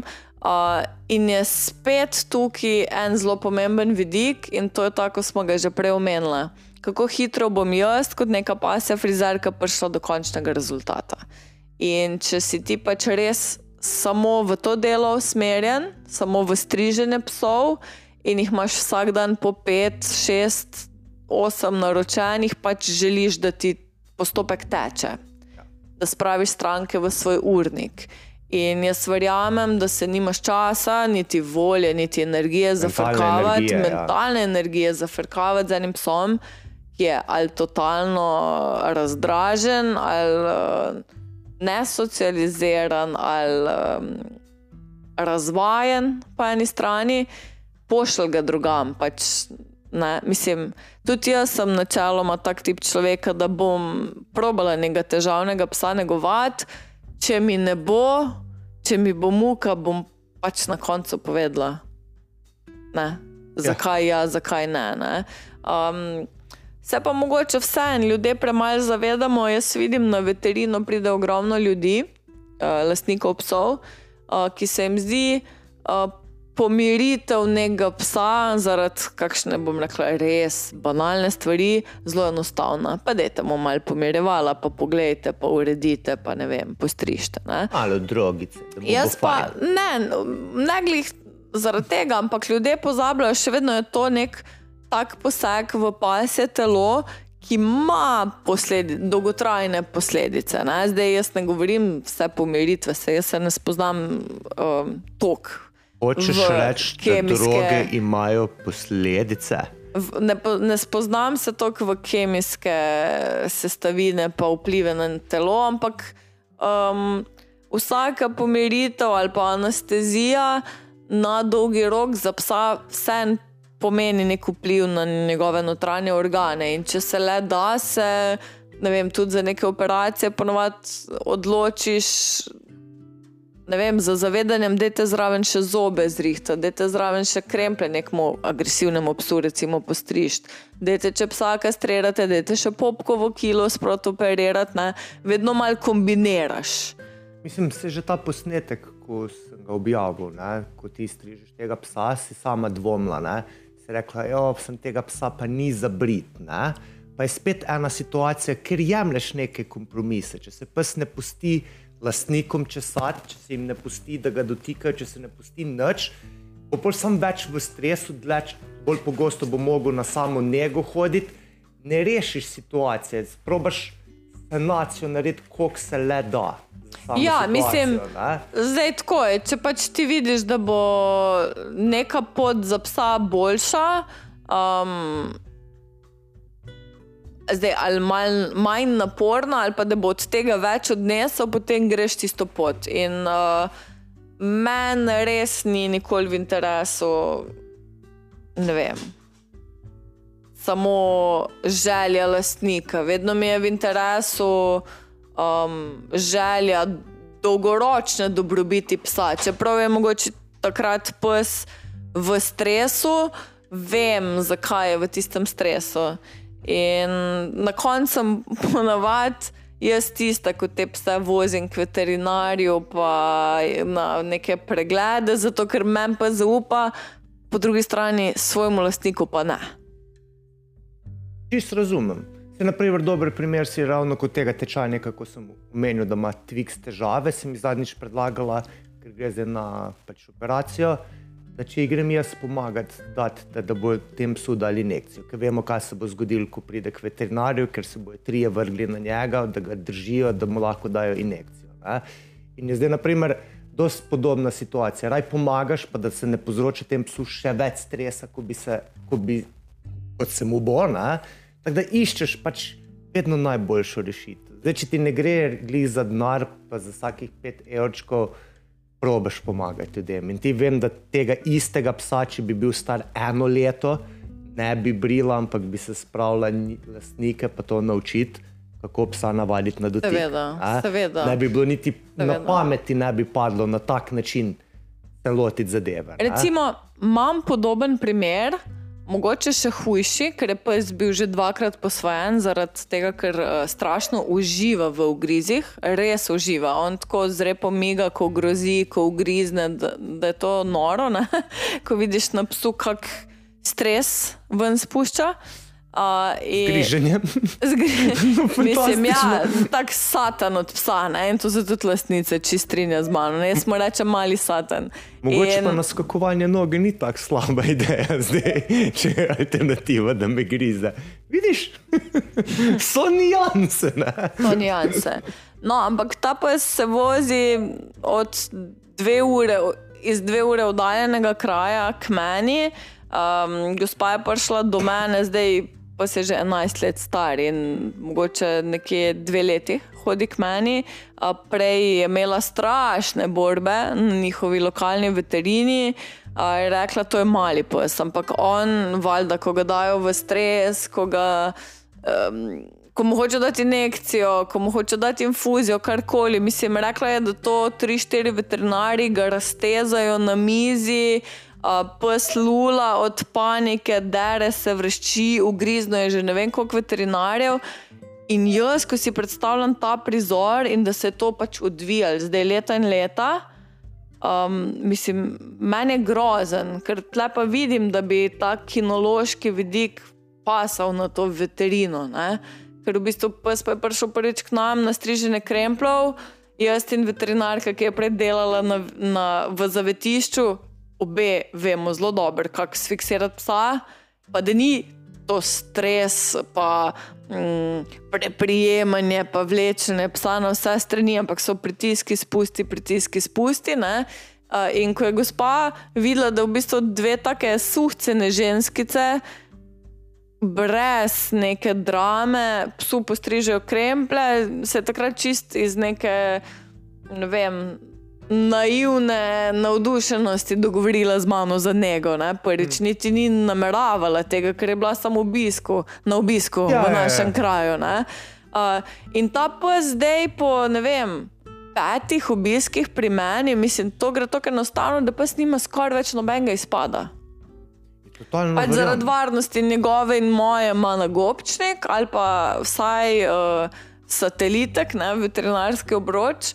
Ne drugo, da si ti bolj sproščena v Ampak samem. Ta pes sedi in je meren, ko mu strižem kremple zdaj. Ta pes leži, ko ga brijem po hrbtu. Uh, je pa res, da če pogre vmes spet nazaj na veterino. Um, po kakšen, ne vem, nacepljenje, dati kri ali pa kar koli takega, pride pol na naslednji najn obisk, pes veliko bolj znerviran. Ne? In vidi se, koliko smo si mogoče različni pri delu za psi. Um, Sploh jaz, ker ne strižem na urnike, kar mi je najpomembnejše, in se tudi izogibam zavestno tega, da bi vsak dan tok pa tok strigla, pa imela tok pa tok strank, pač ne ker potem zgubljam svoj kinološki vidik.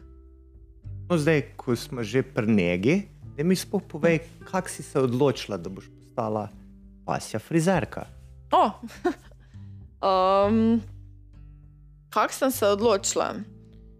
V bistvu je šlo zelo za enostavno stvar. Moje psi, tija je bila dolgodlaka, um, doma smo jo rezali. Um, te vozočke, vsi ste me hecali, zato ker je bila cik-cak postrižena po stopničkah, vsi ste se norca z mene delali, so se leta in leta.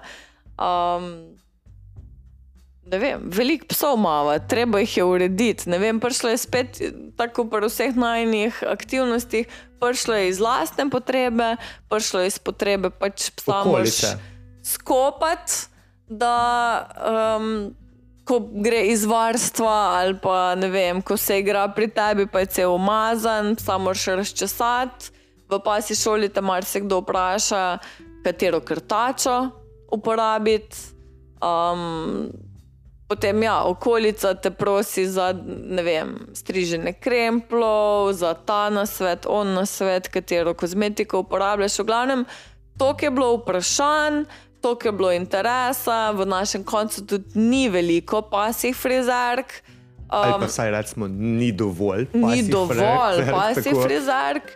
Um, in pač ne vem, spet eno izmed, tako smo pregovorili za seminarje. Jaz sem ferbec, mene zanima vse, kar se tiče kinologije, pasega sveta, živalskega sveta nasplošno in grem rada na izobraževanje. In mislim, takrat smo se odločili zelo na hiter. Sicer je bil res plan, da bo v toliko, toliko letih imela pasega frizerja zaradi povpraševanja, ni bil pa nikoli plan, da sem to jaz. Um, pa sem pa vseeno v bistvu ugotovila, da je to en tak. Um, del mene, ki mi zelo ustreza, ker še vedno lahko delam um, konkretno za psom, pes je moja stranka, spet ni kot pasja šola, ti učiš vodnika, kako videti psa. Uh, jaz pa dejansko delam isto delo, kot, ga delam v, kot sem ga delala v zavetišču.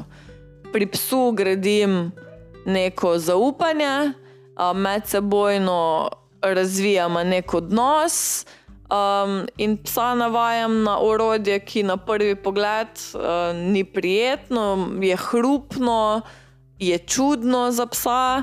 Um, pa v bistvu psi potem zelo pomerjeni pridejo iz teh strižen, um, ker moram sebe umiriti. Zdaj pa tisti, ki me poznate, veste, da sem jaz tako živc od človeka, da mi tek hribi, gor, dol, levo, desno, da sem dolgo let govorila, še pred, preden smo s psi delala, vedno sem bila prepričana, jaz nisem človek za meditacijo, o, jaz nisem človek za pilates in podobne stvari, ker se moš umiriti. Pa sem v bistvu pogruntala, da rabim neko protivtež tem divjim urnikom. In to je sigurno striženje, se pravi, umirjena soba, tak chill vibe. Uh, vse je zrelaksirano, tišina, vedno v salonu imam Masažna več. muzika, Tako, neka taka muzika ali pa nek dober podcast. pul dober podcast. Pul dober podcast, lahko tudi naj. In um, videti psa, ki mu je neprijetno z neznancem na neki mizi, um, ki se sprosti ob smrčanju mojih psov in predanju mojih mačk, je meni nekaj najlepšega. Sploh pa če je to nek pes, ki je prvič prišel iz romskega naselja, nek pes, ki ne vem, še nikoli v bistvu ni bil na strižni mizi. Um, in da v enem trenutku drema od zadovoljstva, ali pa tako, pač res v učkah mu vidiš, da je krtko.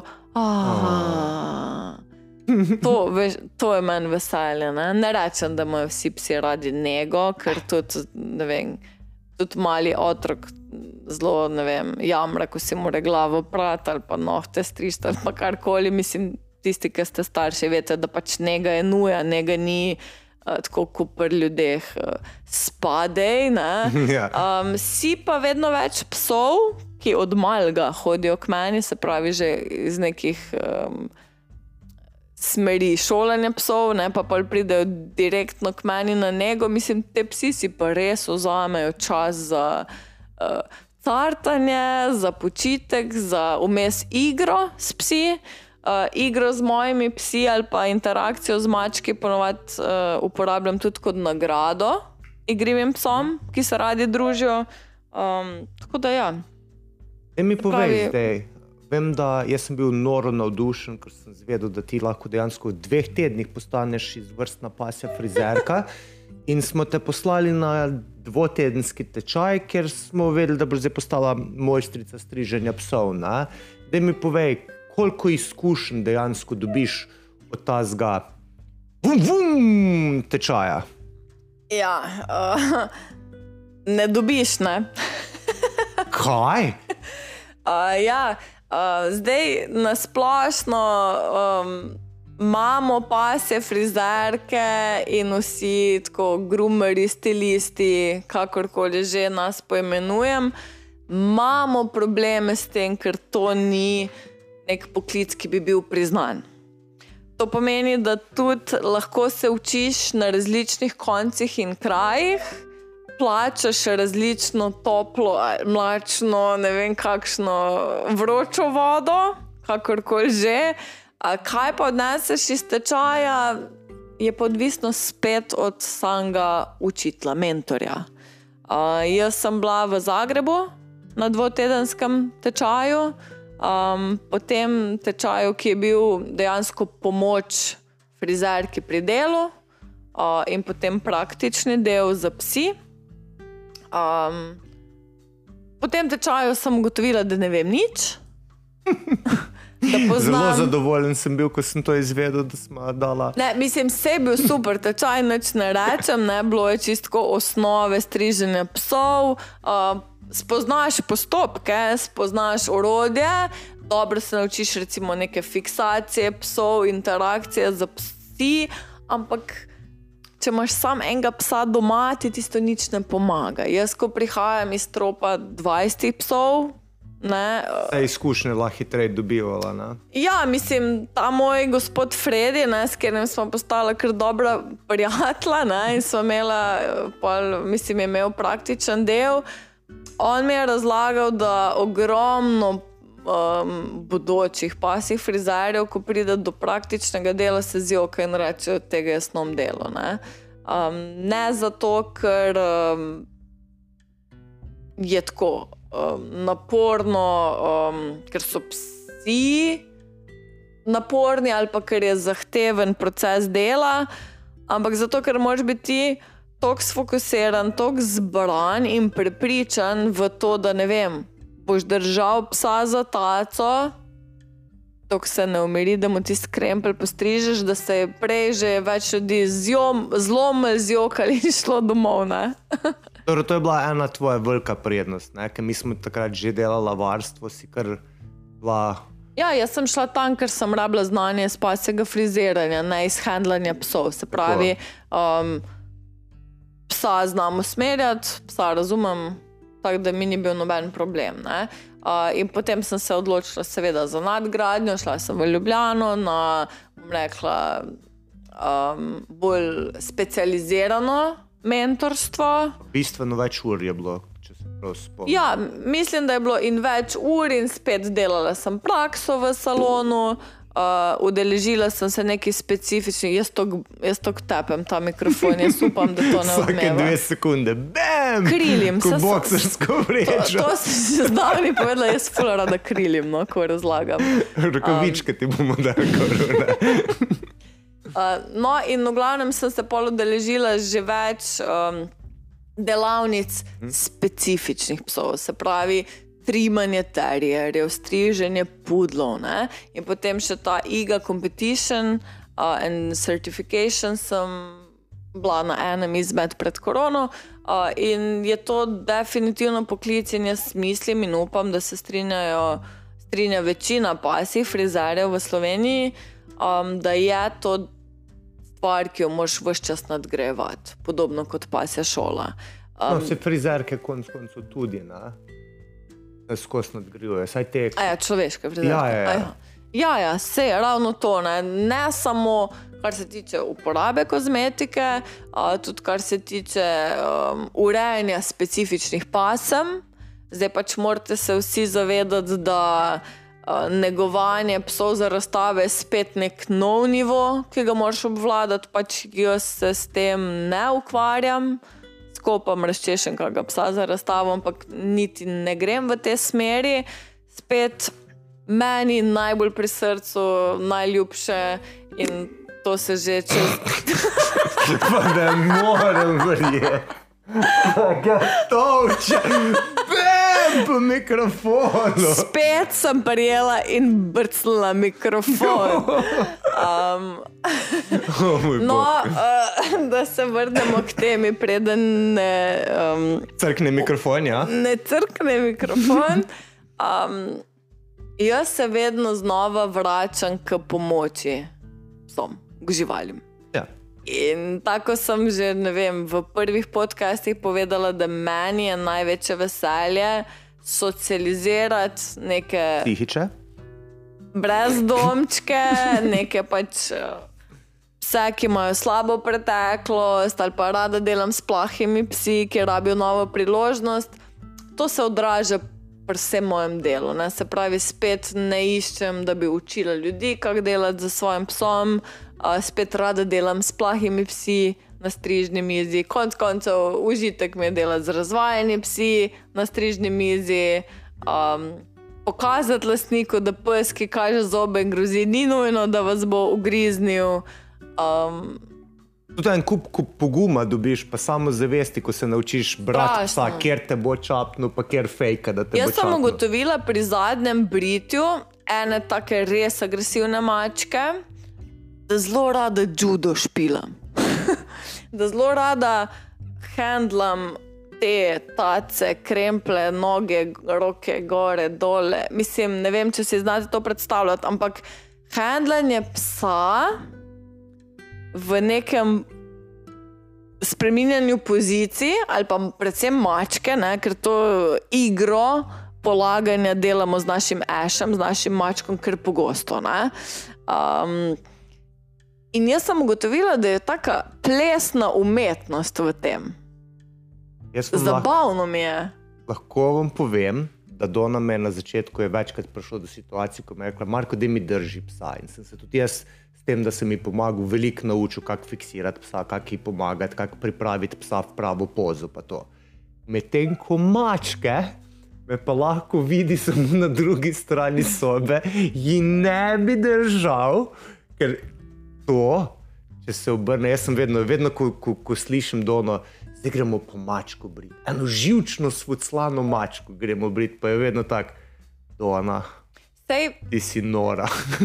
delo z mačkami, ne? spet gre za zvozlane kmečke mačke, Seveda. ki so dolgodlake, ki jih vem, celo leto se ljudje ne dotaknejo, potem pa pričakujejo od mene, da bom prijela mašinco, ki vibrira in ima brrr, zvok.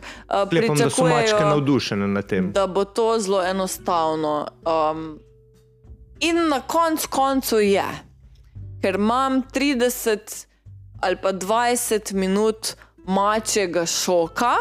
Večinoma zaradi moje te, um, bom rekla, odločne, umerjene energije, um, ko mačko primem, brijem in dejansko uporabim ta čas, kolikor se da kvalitetno. Uh, ker spet se želim izogniti uh, pomiritvi, če ni nujna, um, pač tem veterinarskem delu spet vnašanje kemikalij v telo, če ni potrebe. Ne? Če pa gre v bistvu za to, da ne vem, pri nekem psu ali pa mačku ni nujna njega, da jo lahko upravijo doma lastniki se pravi neko kopanje resnega terjerja ali pa kratko dlakega psa, pa da ni bil vajen zdaj, ne vem, štiri leta nege, pol sem tudi s tem realna, rečem, lejte, dejte. Pa sami doma skopati se pa ni tako težko. Se imamo tudi izobraževalne videe na to temo, pa raj pošljem link do videa, pa ne. Pa je manj stresno za žival, pa vse. Seveda, seveda. Tako da vedno se pač odločiš, po svoji veri, nikoli za denar, nikoli za svoj čas, vedno gre v bistvu za to, kako se pa spočuti. In jaz želim, da ko pojez gre iz moje mize, če tam bil 4 ure, 1 uro ali pa 20 minut, želim, da gre v nekem mernem stanju.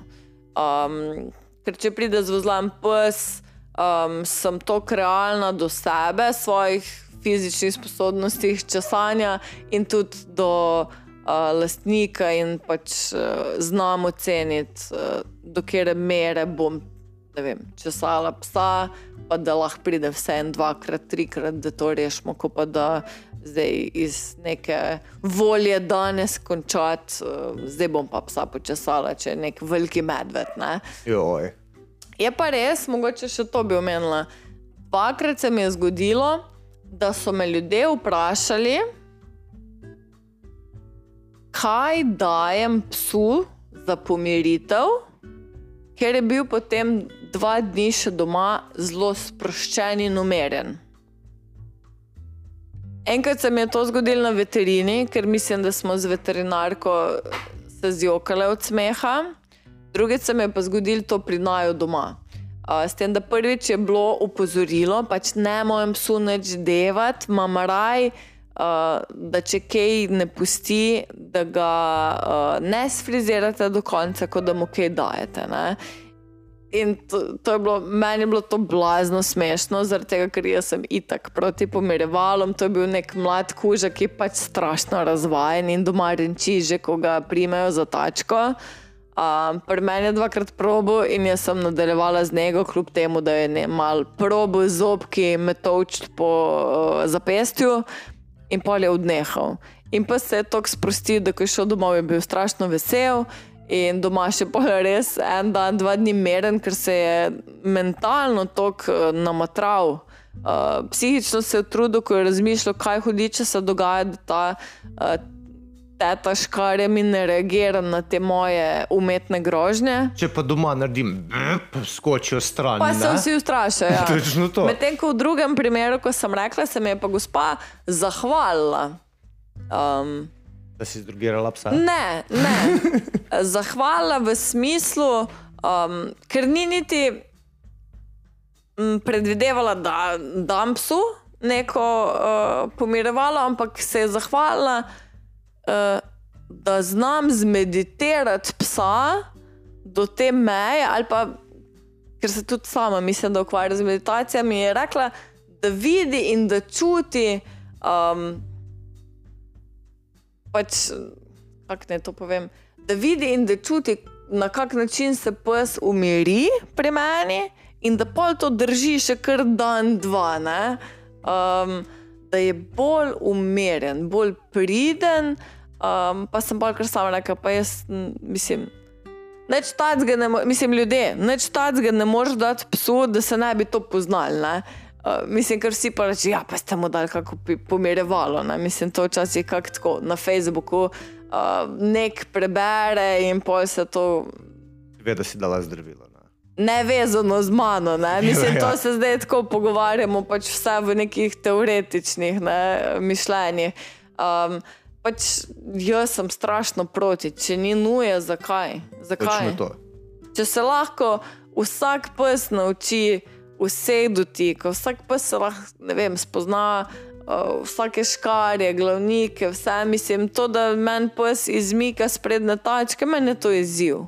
Prav, bomo se pa danes naučili devati tačke, pa jih držati primer, dokler delam tvojo pedikurco. Ne? Pa še ti postaješ s tem in boljša frizerka, in boljše znaš pse handlati, bolj efektivna in produktivna ratuješ v samem Sigurno, klicu. sigurno. Ok, naslednje vprašanje. Kaj je absolutno najhujša stvar, ki jo srečuješ kot pasja frizerka? Kaj je tista ena stvar, ko bi najraje kričala, ko se ti zgodi? Mislim, te stvari je več, ampak zdaj, da bi mogla pa izpostaviti eno, je pa verjetno um, lahko dve. Ajde, dve. Ena frustracija je, um, ko dobiš res zanemarjenega psa. Se pravi, prav tisto. Zanemarjenega Po klepu. v oklepu iz nevednosti ali pa celo ignorance. Ne veš, kaj je včasih huje, ne? Ne veš, Ignoranca kaj je ali huje, ne? nevednost. Ampak na koncu je to neka sprostitev in moje zadovoljstvo, ker gre pes urejen od mene, ker se dobro počuti, ker ga več ne cuka. Ne, pol to ne more biti absolutno najhujša stvar. Zato, Čakaj, imaš... čakaj, sledi. Aha, aha, ok, sorry, sorry. Nadgradnja tega pa je, ko je ta pes bil urejen. Ali pa bil primerno urejen za svojo pasmo. Se pravi, da sem dejansko bila tako neumna, da sem ga šla razčesati, ne pobrit, na kratko. Ne? Vsi tako govorimo, generalno britje je fuj. Ne? Morate vedeti, da psi pridejo taki, da včasih nimaš druge. Ja, seveda, ja. Uh, no, in da sem včasih tako neumna, da zaupam človeku, zdaj ga bomo pa česali, bomo si dali na urnik, pokažem jim, res si ekstra čas vzamem, da jim pokažem, katere glavnike uporabljati, vse jim dam navodila, še posnetek jim pošljem, kako rejati psa. In naslednjič pride še bolj zvozlan. Se pravi, vse tisto moje delo, pa bomo temu rekli še par gratis ur dela okrog tega psa, je padlo v vodo, ker naslednjič prideš še bolj ali pa isto zvozlan. In potem ti lastnik reče, pa jaz ne bi, da ga pobrijete, dajte ga malo počesati. Mislim, oh. Ja, z veseljem, gospod, še kaj. Ne, in uh, na začetku, ko sem začela strižiti, sem se zelo trudila ugajati ljudem. Stranka ima vedno prav. Mislim, če so želeli, da psa ne pobrijem, pa da ga razčesem, sem se res potrudila. Pa je pol prišel dvakrat, trikrat spet z vozlan čist, pa vem, da mu ni pač bilo prijetno. Pa sem pa pogruntala, zakaj. Zakaj? Ja. Jaz lahko na prvem srečanju, ko se ti, ko enkrat poznaš strukturo, anatomijo psa, dotakneš psa, kar mogoče prvi lastniki ne čutijo. Um, jaz ali pa ti, pa čutimo tisti filc, tiste vozle ob koži, ker vsi površinsko češejo Ja, ja, psa. ja. Največkrat Pa imajo pride- napačno krtačo že. Ne, pa- Ja, pa pride na njego, pa je cel uh, oblačkast po, v- na, povrhu, na površnici, in pol ga dotakneš in čutiš v tem O, moj bog. grmu uh, te korenine. Ne? Čutiš, vse je zvozlano, vse je sprijeto. In jaz kar takrat že povem, lejte. To ne gre nikamor. Ne. Še vedno imate opcijo iti doma, domov in 10 minut vsak dan razčesati delček, centimetrček po centimetrček, ampak včasih tudi to več ne gre. Pa mislim, pa ljudje ponovadi, ko pripeljejo ta zga psa, bolj magično ne spravijo biti Čeprav konstantni. Ja, sem ponosna na kar nekaj strank, ki so skozi leta ali pa mesece razvili ritual redne nege s psom. Ponosna sem na ljudi, ki so upoštevali navodila in čeprav so bili mogoče na začetku neki začetniki, pa imajo zahtevnejšo dlako na psu, um, da so se naučili vzdrževati to, ali pa da so vsaj redni za obiski. To mi je super. Um, Je pa mogoče še ena stvar, ki me včasih kratko mal prizadene, pa vem, da si ne smem tega osebno imati. Pri določenih psih, ki so ali razvajeni, ali neuzgojeni, ali pa mogoče doma ne znajo tako peljati nege, vreden urnik, mm, imam problem ta, da jaz ogromno um, kinološkega znanja in po drugi strani svojega časa, truda uložim v vzgojo psa na mizi. In ne to, recimo, v neko končno frizuro, ker v prvi vrsti je vedno pesta, ki mi je pomemben. Um, in me pa včasih res, ker osebno malo. Ne bom rekla, da prizadene, ampak vseeno Razžalosti. Ja, um, da leto rednih srečanj ali pa dve leti rednih srečah uložim v enega psa, ki recimo grize, ki se zaganja v brivnik, ki ne vem, nori pod fenom ali pa karkoli tacga. In ko pridemo na stopnjo, da imamo odličen odnos, da je pes končno meni užitek za delo, ali pa pač grejo drugam, ki tam hitreje dobijo termin. Recimo. Ja, pa če sem te klical, pa sem rabo jutri, da prideš, da mi pesa postrižeš, pa si rekla, da moram dva tedna čakati. Kako ne bi šel k drugi frizerki? Kak... Ja, mislim, vse pravim, ne? moram se distancirati od tega, ker jaz si um, mogoče preveč vsako vez za psom vzamem osebno. Pač lojalnosti veliko pomeni že pri strankah. Lojalna sem že jaz in general nasploh. Jaz, ko smo se predstavljali iz uh, enega naročnine, enega telefona na drugo, ker si hotel kupiti druge vrste telefon, jaz bi po teh 25 letih na, ali pa 20 letih naročnine per uh, tistem operaterju mu zahvalno pismo poslala. To se spomnim. Ja. kak mi je neroden, da po 20 letih spremenjam naročnike. Ne? Mislim pač, jaz sem taka, jaz sem tako lojalen um, človek na splošno, da če že grem iz Lidla v Hofer, iz Hofra v Lidl ali pa v ne vem, Merkator mi je, mm, Uh, pa če me vidi. Ko mega korporacijo goljufam. Ne? Ne, ampak to je zdaj neumen primer. vem, ne? vem. Ampak um, Se pravi, to je ta druga najhujša stvar, ko jo zgodi. Pa ja, mislim, po mojem bi še našla. Ampak ja, mogoče res to, da v odnos z enim psom toliko ulagam, da bi lahko res mal bolj strogo bi ga nahrula, mal bolj bi zategnila. Taco postrigla kremple, rekla, Ajde, si, bok. pej domov, ne? ampak ne, vzamem si cajt, pa um, nagrajujem ga, pohvalim ga, se pocartam, ne vem kaj. V glavnem podaljšam si postopek, pa v bistvu na koncu v bistvu ima pes nekaj od tega, jaz sem zadovoljna, lastnik pa valjda tega ne vidi. Tega ne vidi, ker niti mogoče ne razume koncepta um, tega skritega dela. Uh, To je vloženega v psa. Ne? Ja, to so stvari, ki se ne vidijo. Zdaj, zakaj se ne vidijo? Um, zato, ker uh, večinoma lastniki niso zraven, ko se neguje psa. Zakaj? Večinoma iz razloga, um, ker mi pumpajo psa na mizi. Ko ima pes samo mene, kot pasjo frizerko, uh, se fokusira na mene uh, in se hitro sprosti. Če imam pa zraven še lastnika psa, ki vse čas govori psu, dobro je, še malo, zdaj le bomo šla, v redu je, pridem bolj. Zakaj si tak, pridem bolj? Mislim, to je tempo po eni strani Ja, ja. in vsi signali bomo šla. Si že, joj si lepi. Vse Je psihično pa, spidiraš v samem Ja, vsi so prostoru. kar ne? nervozni, zdaj okrog mene postali. Ne? Je pa to vsejen um, Moteče, definitivno je moteče. moteče, ne. pa psi silijo potem k lastniku v naročje za Potuho. potuho.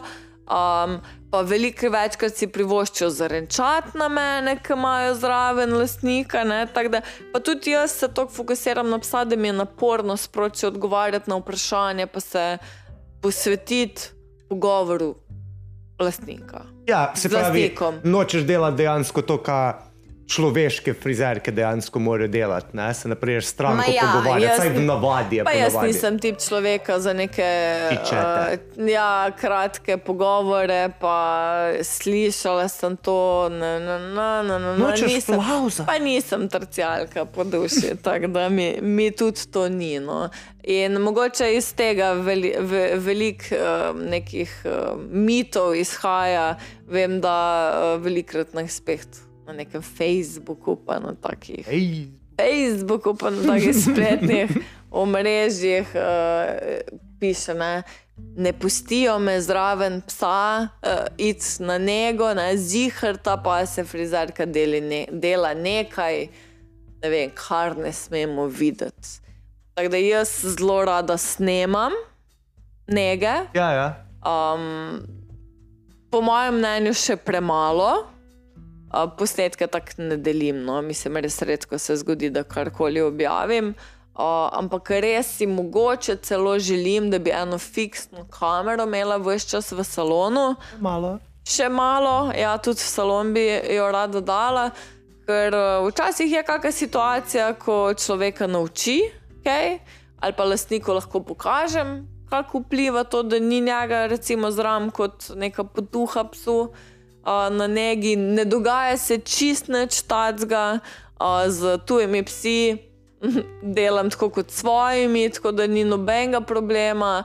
Uh, če rabim dvigati nad kakega psa glas, da je res potreba, pol tudi to brez uh, um, pomisleka povem lastniku, hej, bil je tak, pa tak, res pač mogla sem ga upozoriti ostro, karkoli. sej, ne. Kamere so iz te smeri zelo uporabne in zaradi varnosti, če prije ne vem, da pa skoči pred te, pa se na škarje poreže, zelo težko argumentiraš. Ne? To je človeku, ko pride po psa. Medtem ko če imaš posnetek, je zelo praktično imeti kaj tasga. Iz istega razloga medva uživamo, ko imajo ljudje kamere, ko jim prihajamo na dom. Ne? Ker se ti varno počutiš, ko prideš ti nekom na dom, pa ima kamero noč si tak. Ok, če kaj spali, ima kamero, bo videl, da nisem jaz vzel. Medtem ko, ko je ni, je vedno tak. Ne? Se hitro lahko zgodi situacija, on rekel, jaz rekel, ne? ker ti je bolj všeč. Ja, sigurno. ne. Uh, ampak res, v- vse najne um, dejavnosti imajo vidik, delamo, delava s psi um, po pač nekih Najboljših moči. Tako, po principih, ki so jih iz prakse um, našla kot najbolj idealne, po drugi strani pa um, kot da bi delala z našimi psi. In jaz sem blazno navdušena, ko se radi psi vračajo nazaj. Ne? Da mi zdaj še povej, koliko izkušenj, se pravi, koliko psov moraš postrižiti, da postaneš dejansko pasja frizerka. Govorila smo o tem že pri samem šolanju, da prvih nekaj tečajev, prvi nekaj strank si vunem. Ja, pa se bomo, ne? pa malo improviziraš, malo se učiš na teh strankah, malo se nadgrajuješ. Koliko časa si ti rabila, da si prišla do situacije, da si sama sebi lahko rekla, da sem pa samozavestno pasja frizerka, zdaj pa lahko handlam vse, kar se vrže v mojo smer. Zdaj, um, to je zelo odvisno od vsakega posameznika dejansko. Uh, jaz sem po prvem tečaju ene pol leta strigla za vetiške pse. Zato, ker ti dajo največ izkušenj, ker ne veš njihove zgodovine, ker so zelo različni na mizi. Imáš vse od paničnih psov do agres agresivnih psov ali pa nevzgojenih psov, kakorkoli že. Um, plahih psov, pogumnih psov, vse spektre, spektre dobiš, pa nimaš v zadnji lastnika, ki ti pove, kak je pes. Tako da se vse iz prve roke naučiš. Pa še ko malo po stran pričakovanja. postrižeš, ni lasnika, kot te bo krego. Ne? To je pa drug vidik. Nisi pod takšnim stresom, kakšna bo končna frizura, ker bo vsaka frizura boljša kot nek Kot tisto, čemer kot frizura tistega ja. zapuščančka. Tako da pol leta sem res delala samo za vetiške pse, uh, potem sem delala uh, za ston, uh, vse lastniške pse, neko Pa obdobje. Res. In to je bilo kar na dva meseca, sem recimo strigla vse varovance, uh, vse, vse prijateljev, recimo. Mene. Tebe, to bomo spustili. To ni, to ni zraven. Sem bil tudi na Balin en trenutek. No. Tudi na balin, ker nismo pravega nastavka dala gor na brivnik. Um, ne, um, je pa res eh, zelo je odvisno od uh, vsakega posameznika ali posameznice. Uh, in to je tudi recimo, najbolj pereča tema v naših frizerskih krogih v tem trenutku. Mm, predvsem zaradi tega, ker jaz sem zelo perfekcionističen tip človeka. In jaz, iskreno, ne bom nikoli zadovoljna s stopnjo, ki jo imam. Ker se težko sprijaznim, da je frizura na živem bitju, ki mogoče ni um, simetričen, ki ima kako uho nasejano malo više kot drugo, ki ima ne vem, kako nogico za par stopinj bolj na ven kot drugo. Ne? In um, se prej naučiš v tem poklicu, da um, okay, se moraš vse čas izobraževati, da moraš vse čas nadgrajevati, po drugi strani se pa naučiš, da, da si zelo odvisen od svojega dneva, da ne moreš biti stoprocenten, kar se tiče frizure, da imaš drugo bitje za stranko, ne imaš lutke, ki bi bila čist primer.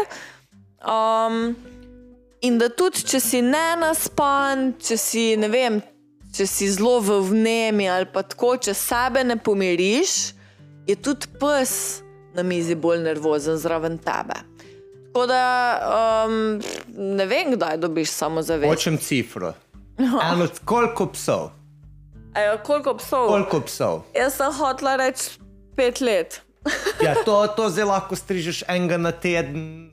Mislim, to, ne? bodimo realni. Imamo žal v Sloveniji tudi pase, frizere, pase salone, ki so po dveh letih dela za psi odprli šolanje za pase frizere, kar je meni osebno zelo tako. No?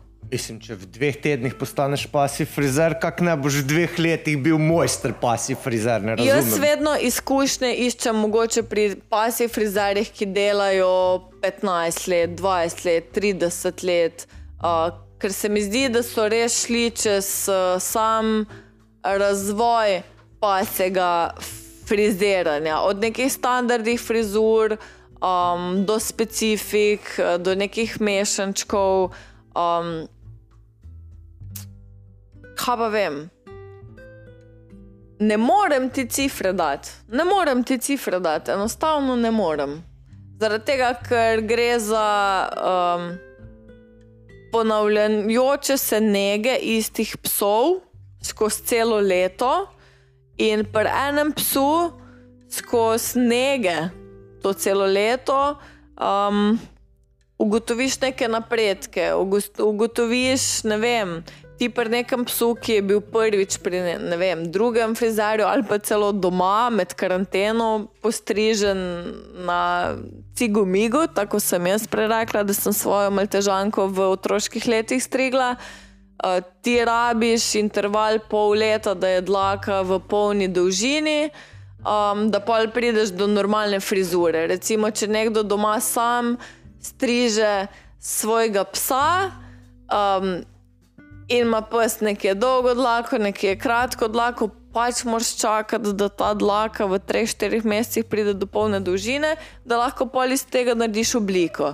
In recimo, če ta človek potem še menja pase frizere med sabo, bo en frizer rekel: Jo, zakaj pa na tem delu pusto mal daljšo dlako, zakaj pa na krajše. Mislim, ustvarjanje pase frizure, če govorimo zdaj o estetiki, je spet postopek. In če se lastnik ne drži rednega česanja, ne more perfekcije pričakovati od tebe, ker nisi ti dobil um, glino za narediti kip, ne? ampak si dobil nekaj, kjer se spet prilagajaš. Ok, da mi sam poveš, Ajde, še oprosti, ni cifre, ni cifre. Ampak definitivno 500 psov. pet let. 500 psov, več ali manj. Manj. manj. 10 tisoč ur. To Čakaj, pravijo, čakaj, zdaj si me že zmed z urami, To pa spet. pravijo, da v- 300 psov. 300 psov. Ja, ajde, 300 psov. Pravijo, da za vsak poklic, da postaneš perfekten v njem, oziroma usposobljen, potrebuješ vsaj 10 tisoč. Tako da mogoče pa tudi le velja to, ne? Slabe sem številkami. Jaz, jaz delam vse po feelingu. kalkulator. no. Ne, res. okay. eh, Zdaj me pa res zanima, zakaj ne vidim en kup irokes na psih. Irokes. Jaz bi rad, to sem že na tebe jezen, ker sodeluješ s temi standardnimi oblikami psov.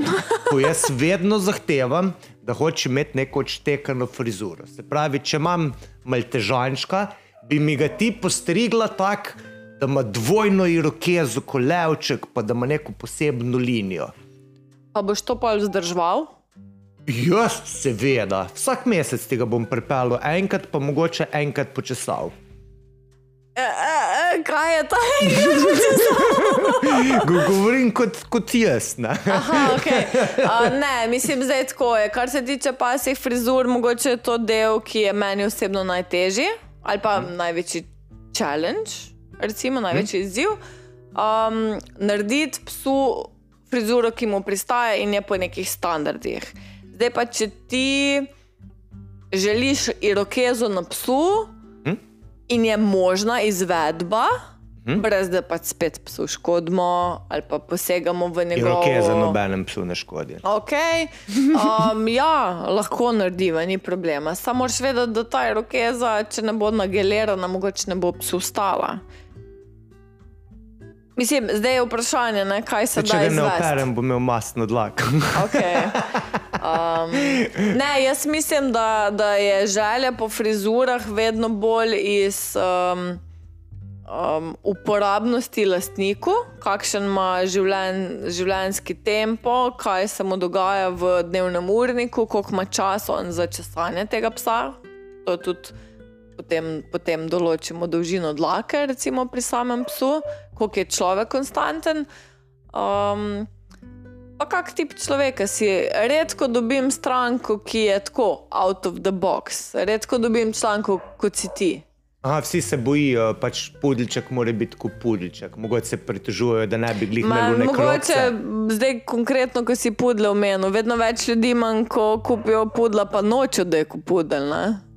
Mislim, jaz tudi ne bi hotel, da zgleda kot ovčka pobrita. Ne vem, Ne, no, to je meni taka. je pač dobro vedeti, moraš, da vse, vsi briti in vsi ne briti deli na standard pudel frizurah, ki jih je več, ni samo ena standard hmm. frizura za razstave, zdaj govoriva. Um, vsi imajo v zgodovini neke razloge. Ne, te, um, bom rekla, te bunke nariti. Ne. Jaz sem včasih, preden sem začela strižiti, rekla, da to so take. Uh, pedofilski čopi. Ne? O moj bog. Oprosti, ja, pač zgledal, zgledal mi je. Zgled... Ok, ja, zbran sem. Ali boš to rezumen? Ne, ne bom rezumen. ja, no ne vem. Ona je rekla pedofilski čopi na podkastu, Pač- to ne bom ali pa izrezal. Zoofilski copi, ne vem, kako naj temu rečem. Pač zdaj se mi je, kot da se dela neka iz psa človeška ritenca, brez Ja, njega. vem, Mislim, neum. Nič slabega nisem mislila. Vem, ne. Nisem nič sprijenega mislila. Mislila sem bolj tako, pač, zakaj bi delal ritence na pesu. Ne? Ja, ja, ja. čistko kmečka logika. Uh, ampak ja, pol pa dejansko, ko se greš ti izobraževati, to je ta pomen izobraževanja. Točno to, ja. Ti ugotoviš, da so včasih um, lovski pudli bili, Seveda, ki so bili prinašalci, vodni psi. ne? vodni psi. Ja. Ne? Se pravi, nek pudel je bil brit, ok, ampak je imel dele telesa okusmatene, da so zavarovali pudlove notranje organe. Se pravi, to, kar sem jaz rekel, da so bile ritence, to je bilo na območju, kjer ima pes ledvice, da mu zavaruje ledvice. To, da je imel pes te čope, ko jih, vid, ko jih imajo pudli na gležnjih, rečemo, ne? rečemo temu gležnji, to je bilo kot gamaši za psa, da mu greje. Um, Sklepe, Sklepe, to, tako, tako ja. Ne? Vse je imel neko svojo funkcijo, načeloma. Treba je vedeti, da te lovski pudli niso bili natopirani, pa celi okrogli teh. Ne? Seveda, ne? ampak vse je te dele puščalo oko- okosmatene in iz tega pol, povezano z pasimi razstavami, normalno so se neki slogi, neki stili razvi, zv, razvili in se spreminjajo skozi čas. Postopoma se spreminjajo. Uh, in verjamem, da se bodo spremenjali, želimo ostati odprta in fleksibilna tudi v tej meri. Um, pa vseeno toliko razumska, da ne pretiravam pri stvareh, pa da tudi mogoče ljudem ne dajem lažno upanje. Če hoče nekdo imeti psa, uh, maltežana v dolgi, dolgi dlaki, pa če ga nič ne češe, oprosti. Ne. Mm. Mislim, Ga boš kar na kraj še postrigel. Definitivno ga bom na krajše postrigla. Ne? Ok, zdaj pa glavno vprašanje. A bi mi pobarvala psa na rdeče? Ok, Dona je izbulila oči. ne. Tako da mislim, da je perfekten čas, da zaključimo današnji podcast A, to vprašanje. A. prepustimo za naslednjič. Tako da se slišimo naslednjič in